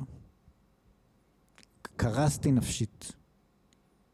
אוקיי. מה לא, לא קרה? יכולה, אני לא, לא מתפקדת. התקף, ח... התקף חרדה, התקף זה, לא יודע מה, ירדה מה... אוקיי, בסדר, קורה, אני לא, לי זה קרה אינסוף פעמים, אני לא מתפקד ברגיל, כן? כן. מה, מה, כן, מה שכן מעניין זה התגובה לזה. כי בסופו של דבר, יש מין תגובה כזאת הברית, לא אצל כולם, אבל חלק גדול מהאנשים אומרים כאילו, וואו, כל הכבוד לה, איזה אמיצה. אחרי הזה, היא הייתה יכולה להגיד, כן, נפצעתי, אני חולה, אני זה. אחרי ה... היא הייתה במסיבת עיתונאים ואמרה, כן, אה, הבריאות הנפשית שלי הת- התערערה, לכן לא יכולתי להמשיך. ו... ואז אמרו לה, אוי, כל הכבוד, שאת חושפת את זה ש, ש, שבאמת את בן אדם ויש לך חולשות ויש לך בעיה נפשית כביכול. כל הכבוד. כן. עצם זה שהראית חולשה, מה שנגיד פעם היה, הוא לא עמד בלחץ, איזה אפס. כן. היום הפך ל, אה, הפגנת חולשה? איזה אמיץ אתה, כן. איזה חזק אתה. שוב, אני לא אומר את זה כי יש לי איזושהי טענה אליה, אה, בסדר, כאילו, היא בן אדם, דברים קורים, אני אומר, התגובה לזה. אוקיי. התגובה של החלש, תראו איזה אמיץ הוא. הוא, אה, כאילו, ככל שאתה חלש יותר, גם, גם לא בדיוק אומרים את זה ככה, בדרך כלל אומרים איזה חזק אתה. כן, על זה ש... איזה, אתה כן, חזק, זה כאילו הפוך. אמיץ. כן. איזה, זאת אומרת, להפגין חולשה זה משהו שהוא אה, קשה. אתה חזק על זה שאתה מפגין חולשה. אז כן, זה משהו חדש, זה לא היה פעם. נכון. פעם אתה היית צריך גבר, צריך להיות גבר. לא בוכה, אתה יודע, כמו המערכון של החמישייה עם הזה, כן. כן, בכיתי בגיל שלוש, חתכו לי את הבוין. זה גבר. והיום אתה כאילו, אתה גבר אם אתה מפגין את החולשה הזאת, שכן בכיתי וכן לא עמדתי בלחץ וכן... אז מחבקים אותך ואומרים לך איזה תותח אתה.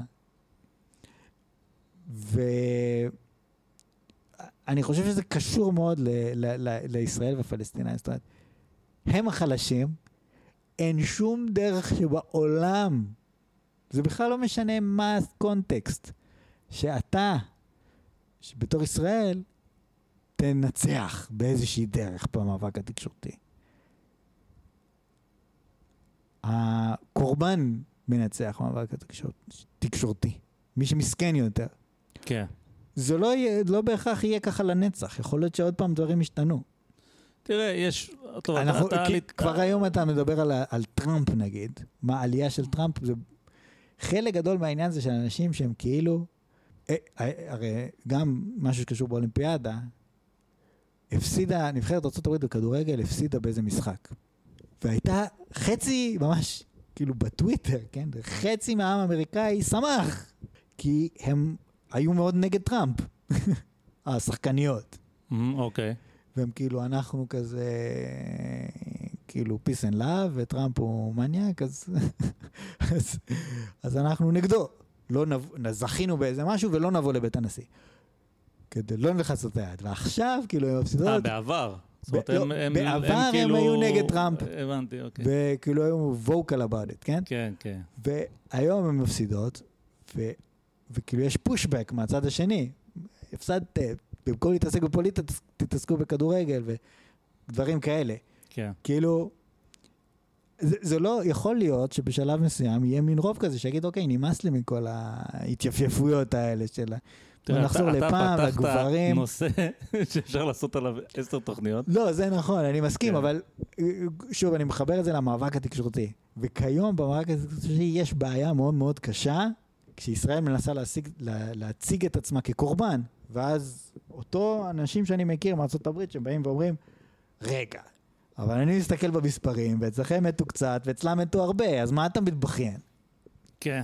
אתה רוצה לנצח? תמות. תהרוג עוד כמה אנשים. ב... אז בוא, בוא, בוא נחתום אולי ב... ב... טוב, יש, יש... רציתי לחתום, אבל אני לא אחתום. אני לא יודע אם אתה זוכר את הרשומה של קישון, כיצד איבדנו את אהדת העולם. זוכר את זה? לא. אוקיי, אז שום דבר לא חדש, ואתה יודע איך זה אצל קישון. אז יש רשומה שככה היא נקראת, כיצד איבדנו את אהדת העולם, והוא מספר אני חושב שזה נקרא כדאי, כיצד זכינו באהדת העולם, או כיצד איבדנו, אני לא זוכר איך זה נקרא, אבל בגדול זה כאילו, תתאר לעצמך מציאות מקבילה, שאנחנו מפסידים את ששת הימים. זאת אומרת, הערבים תוקפים אותנו, ואתה יודע, אנחנו אוכלים אותה. וזהו, בסוף נשארים על החוף איזה כמה עשרות אלפי יהודים, ואתה יודע, לא זוכר מה עושים איתם כבר, מפנים אותם משם, או שמקימים להם איזה כפר שהם יכולים להיות בו, וואטאבר. והעולם יוצא מגדרו, כן. כן, אתה יודע איך זה קישון. והשר החוץ האמריקאי כינה את הערבים ברברים, וכל מיני כאלה. ובאמת כל העולם היה בידינו. אבל זה לא מה שקרה. ניצחנו בששת הימים, אז איבדנו את אהדת העולם. ואז כאילו, זה old news, קודם כל, כי הנה אתה רואה קישון כתב על זה כבר אז, מצד אחד.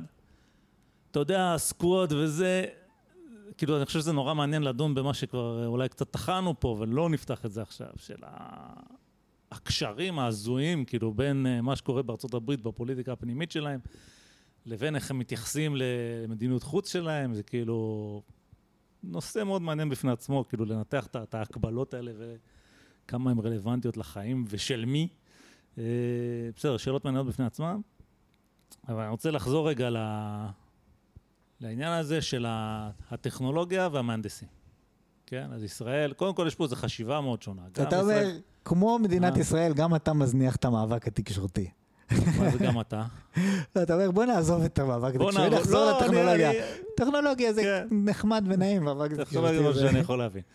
אז גם ישראל היא, כמו שאתה אומר, היא לא יכולה לנצח במאבק הזה, זה מה שאתה אומר. ישראל לא מסוגלת לנצח במאבק תקשורתי, בשום אופן, באיזשהו מקום, אולי לא שווה להילחם, אנחנו לא יכולים לנצח. לא, שווה להילחם כדי למזער נזקים, כן. לא, יכול להיות שכן שווה, יכול להיות שאפשר לנצח, אני לא יודע, אני לא מומחה לתקשורת, כן? תקשורת זה דבר מופלא. אה, אפשר לעשות כל מיני דברים, אבל אתה יודע, אה, אה, כן, גם את זה קישון אמר, כן? אם העולם משתכנע שישראל זה גוליית והערבים זה דוד, אז כאילו הכל יכול להיות. אוקיי. מצד שני, יש פה באמת, אני חושב גם איזה שהם הבדלי תרבויות. זאת אומרת, אתה יודע, זה מזכיר לי קצת את הגרמנים ואת הרוסים. את הנאצים ואת הרוסים.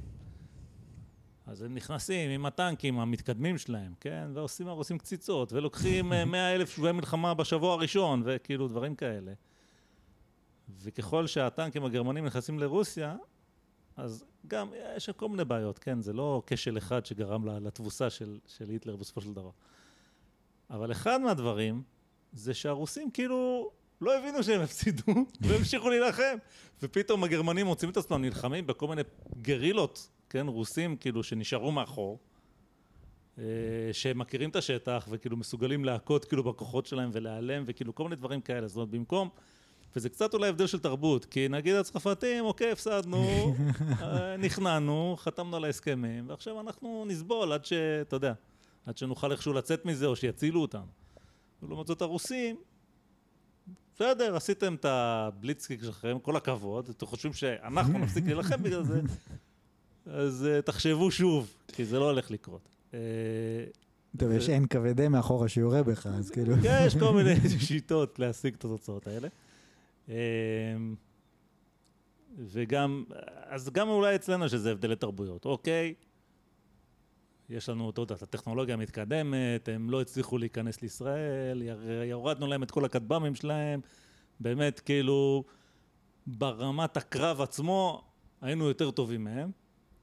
אה, כאילו בפער די רציני, אבל אה, עדיין אנחנו לא מרוצים מהתוצאה כל כך בגלל העניין התקשורתי. עוד, עוד דבר, אה, כן. אחרי, ממש אחרי כמה, זאת אומרת, בשלב מסוים הטילים על תל אביב הפסיקו. כן, הם, הם כאילו הם לא הצליחו. הם אמרו, אנחנו כן. התכוננו לירות על תל אביב שישה חודשים רצוף. כן. בקושי שלושה ימים זה היה. כן, כן, אז כאילו, באמת הם קצת יצאו מושפלים בקטע הזה של מאיימים לירות על תל אביב, הם לא מצליחים כאילו לבצע, אה, וכנראה לא בגלל שהם לא מנסים. אוקיי. אה, אז אני חושב שישראל נמצאת איפשהו באמצע. זאת אומרת, מצד אחד, כאילו, כן, הרבה אנשים מרוצים מהביצועים של צה"ל, אבל אף אחד לא באמת מרוצה. זאת אומרת, התחושה היא ש... כאילו, אנחנו לא ניצחנו בשום מלחמה פה, זה, זה היה עוד סיבוב. בדברים מסוימים עשינו כאילו חיל, אבל באיזשהו מקום אנחנו כן מוכוונים לקטע הזה של בוא ננצח בקרב, זה מה שחשוב, וזה כן חשוב. אני לא אומר בוא נזניח את זה לגמרי, רק נעשה את המערכה התקשורתית, כי אז הם יאכלו אותנו. בהם, ברור שאתה רוצה לנצח בקרב. אבל כאילו באזור התקשורתי אנחנו כל כך גרועים בזה, כן? ואולי אחת הסיבות שאנחנו לא כל כך מוכוונים לשם. זאת אומרת, אין לנו את המנטליות המתאימה שאומרת, אה, באמת מה שחשוב זה התמונה. קצת אולי יותר מדי מעניין אותנו התכלס, ולא התמונה. אה, למרות שאתה צודק, שמאוד מאוד קשה להוציא תמונות טובות, אה, כשאתה יודע, מה לעשות, בעזה החיים הם קשים, ונהרסים שם דווקא בגלל שאנחנו מצליחים, נכון? הרי אם לא היה לנו את כיפת ברזל. הסיבה גם שהם יורים כל כך הרבה טילים זה כדי להבקיע כאילו מבעד למעטה של כיפת ברזל. ונגיד, לא, לא יודע, כיפת ברזל הייתה, נגיד אם מישהו היה מוציא איזה patch שהיה משבש את כיפת ברזל, אוקיי, בטעות, או שבאיזה, היו עושים לנו איזה טריק, וואלה, היה נגרם פה באמת הרס גדול ו, וכנראה הרג די המוני, ואז יכולת להוציא אחלה תמונות. אנחנו כאילו, אתה יודע, לא, לא נעים להגיד את זה, נפטר הילד המסכן הזה שפגע טיל בממ"ד וזה. וכאילו זה שלל רב, בואו נציג את זה לעולם, הנה, סליחה שאמרתי את זה.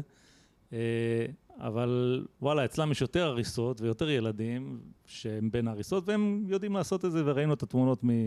כן, מאבו עלי אקספרס, על איך הם מביימים את הסצנות המרגשות ושולחים אותם על העולם. וכן, לא, לא יעזור כלום ואין מה לעשות, אמרנו את זה הרבה פעמים. אה, כנראה שגם בנושא הזה. אבל דבר, נקודה אחת אחרונה, שהיא מעניינת בנושא המהנדסים, שרציתי לחזור אליו קודם והתבדרתי, אז אמרנו, אוקיי, בעצם היתרון בשדה הקרב הוא כאילו טכנולוגי, והוא הולך ונעשה יותר ויותר טכנולוגי, ולכן חשוב לנו מאוד להשקיע בטכנולוגיה, ומצד שני, את מי אנחנו צריכים להרוג? את המהנדסים ואת ה... את החכמים. בקיצור, יש שם אנשים חכמים, צריך להרוג אותם. ו... אוקיי, אז מה הצד השני יעשה? אז הוא גם ינסה לפתח את הטכנולוגיה שלו כמה שיותר, והוא ינסה אולי להרוג את החכמים שלך. ובאיזשהו מקום, ברור שכרגע המאזן הוא שלישראל יש הרבה יותר מהנדסים, הרבה יותר אנשים שהם, אה, כן, סטק סבי מה שנקרא, שיודעים כל מיני דברים, אווירונאוטיקה, עכשיו גם לחמאס יש, יש להם את הכל, הם מפתחים טילים, הם מייבאים ידע מאיראן, הם... יש להם הכל אבל יש להם פחות. ובאיזשהו הפוך על הפוך, כאילו הלחימה מאוד מאוד מתוחכמת הפכה לקצת פרימיטיבית. אם יש לך המום, אלף חכמים ולא יש עשר, יש לך יתרון מאוד מאוד גדול, נכון? כי אתה צריך להרוג רק עשר. עכשיו, אם הוא יהרוג לך עשר, אה, בסדר, הלכו עשר, לא נעים. אז ברור שגם יש עניין של החדשנות הטכנולוגית, ואתה יודע, כאילו ניוטון אחד שווה לאלף אנשים רגילים, אבל אה, חכמים נגיד רגילים, אבל בסדר, אבל יש גם את העניין הזה של הקצת הפוך על הפוך, חזרנו למספרים. למי שיש יותר, אז יש לו יותר, אז הוא, אז הוא ינצח. אז אה, טוב, נו, בסדר. בוא, בוא תן את דברי הסיכום שלך ו... לא, אני חושב כן שזו נקודה מעניינת, מה שאמרת. אתה כן. אומר... אלא אם כן אתה אה, רוצה ללכת למשל של אסימוב, זה החתימה של הפודקאסט. לא, אני מסכים איתך, אתה הפצצת פה עם העניין הזה, אתה צודק שזה באמת הפך להיות משהו... זה כאילו מתוחכם אבל פרימיטיבי. כן, ובלב של העניין פתאום זה כן הופך להיות עניין של אה, מספרים. אז אה, כן, אנחנו לא יודעים כלום על ביטחון ולא יודעים כלום על שלום. אבל זה מה שהיה לנו להגיד על זה. לא יהיה שלום, יהיה דם בכל מקום. את המשך השיר אני לא... אה, כן, זה האנשים יהרגו אחד את השני, כנראה עד סוף קץ כל הימים. כן. אז יש סיפור נפלא של אסימוב, יש לו ספר, סיפורים קצרים. כולם מכירים את ה... סדרת המוסד, הרובוטים וזה. סיפורים קצרים. כן, כן, לא, אוקיי. תספר את זה, תספר את זה. סיפור קצר יפה. יש לו סיפורים קצרים מאוד מבריקים, דווקא האפיקים הגדולים האלה, אני פחות אה, זה. אוקיי, מעשה שהיה ככה היה. בעצם הסיפור הוא שבעתיד, בני אדם שלחו, יש להם איזה, התיישבו במאדים ונתגלה איזה מחלוקת בין כדור הארץ למאדים, זאת אומרת בין בני אדם שהם בכדור הארץ לבין בני אדם שעברו למאדים, ויש מלחמה. והמלחמה נמשכת דורות, דורות, דורות, דורות, ובעצם אה, הסיפור, הסצנה שפותחת את הסיפור, זה שאחד המתכנתים הבכירים בכדור הארץ, שהוא, כמו שאמרנו, זאת אומרת, אקסימוב הבין את זה היטב, זה האנשים החשובים במלחמה הזאת, המתכנתים והמהנדסים והזה, כי מי שנלחם זה מכונות, אנשים לא נלחמים אחד בשני בכלל. הוא הולך לבוס שלו עם איזה שרת או איזה מנקה או מישהו כאילו מה, מהאנשים הפשוטים הפחות חשובים. נכנס לבוס, אומר לו, תשמע, יש משהו שאתה חייב לראות. ואומר לו, מי זה? זה פה, לא יודע, מוישה, הוא מגיש פה את התה, כן? אבל יש משהו שאתה חייב לראות, והוא אומר לו, תגיד, מוישה, כמה זה 6 כפול 7? הוא אומר לו, 42. הבוס הגדול המום לחלוטין. אומר לו, זה נכון, כאילו? אומר לו, כן, בדקתי את זה. הוא לא מאמין, בודק בעצמו. תקתק במחשב, וואלה, יוצא 42. אז הוא קצת אומר, טוב, אולי זה איזה פוקס. כמה זה 12 כפול 13, כן? אני לא יודע לחשב לך כמה זה, אבל הוא יודע, אומר לו את התשובה הנכונה, בודק את זה במחשב. אז הנה, כמה זה. 156, והם בשוק, כי בעצם בני אדם לא, חיש, לא עשו, לא חשבון כבר שנים, הכל המחשבים עושים. ואז זה מין אנקדוטה, יש פה בן אדם שיודע לחשב, איך זה יכול להיות? אומרים לו, איך אתה עושה את זה? והוא מתחיל להסביר, תראה, יש לי שיטה, אני כותב את המספרים ואני בעצם מלמד אותם לכפול כמו שאנחנו למדנו בכיתה א', כן? תעביר את האחד לפה, כאן, אה, אה, אה. אני קורא לזה, לא יודע, graphitics, נדמה לי, זה השם שהוא המציא, כן? אני מחשב על זה שאני כותב. הם בשוק טוטאלי, אומרים, כזה דבר לא ראינו, ואז עולה להם הרעיון ש... רגע אחד, אנחנו נלחמים בחבר'ה האלה ממאדים כבר איזה מאה שנה. וזה המחשב שלנו מול המחשב שלהם. וכל פעם יש איזה יתרון זמני, כן, המחשב שלהם נהיה קצת יותר מתוחכם, אז פה אנחנו כאילו עושים איזה מאמץ, מתכנתים קצת יותר טוב, והמלחמה לא נגמרת. אז הם אומרים לעצמם, הנה יש פה את האלמנט החדשני, אנחנו נשים, אנחנו נלמד את השיטה הזאת, יש לנו פה את המומחה הגדול, אין מצב שהם במאדים חשבו על זה. אנחנו אה, נאמן פה בני אדם ונשלח אותם בתוך הטילים והם יחשבו חישובים וככה. והוגה השיטה, שמבין כאילו שההמצאה הגדולה שלו הולכת לשמש למלחמה, מתאבד, כי זה אסימוב, הוא כזה נורא, כן, לוי דווי. טוב, אז סתם, כמה זה הולך, אה, אה, איזשהו סיפור קיצוני על איך הכל להיות, הולך להיות מגוחך. אה, ואנחנו באיזשהו מקום מגיעים לעתיד הזה, כי ראינו, כן, ראינו באזרבייג'אן, ראינו עכשיו, השלב הבא הרי זה שמכונות נלחמות במכונות, כן, זה השלב הבא.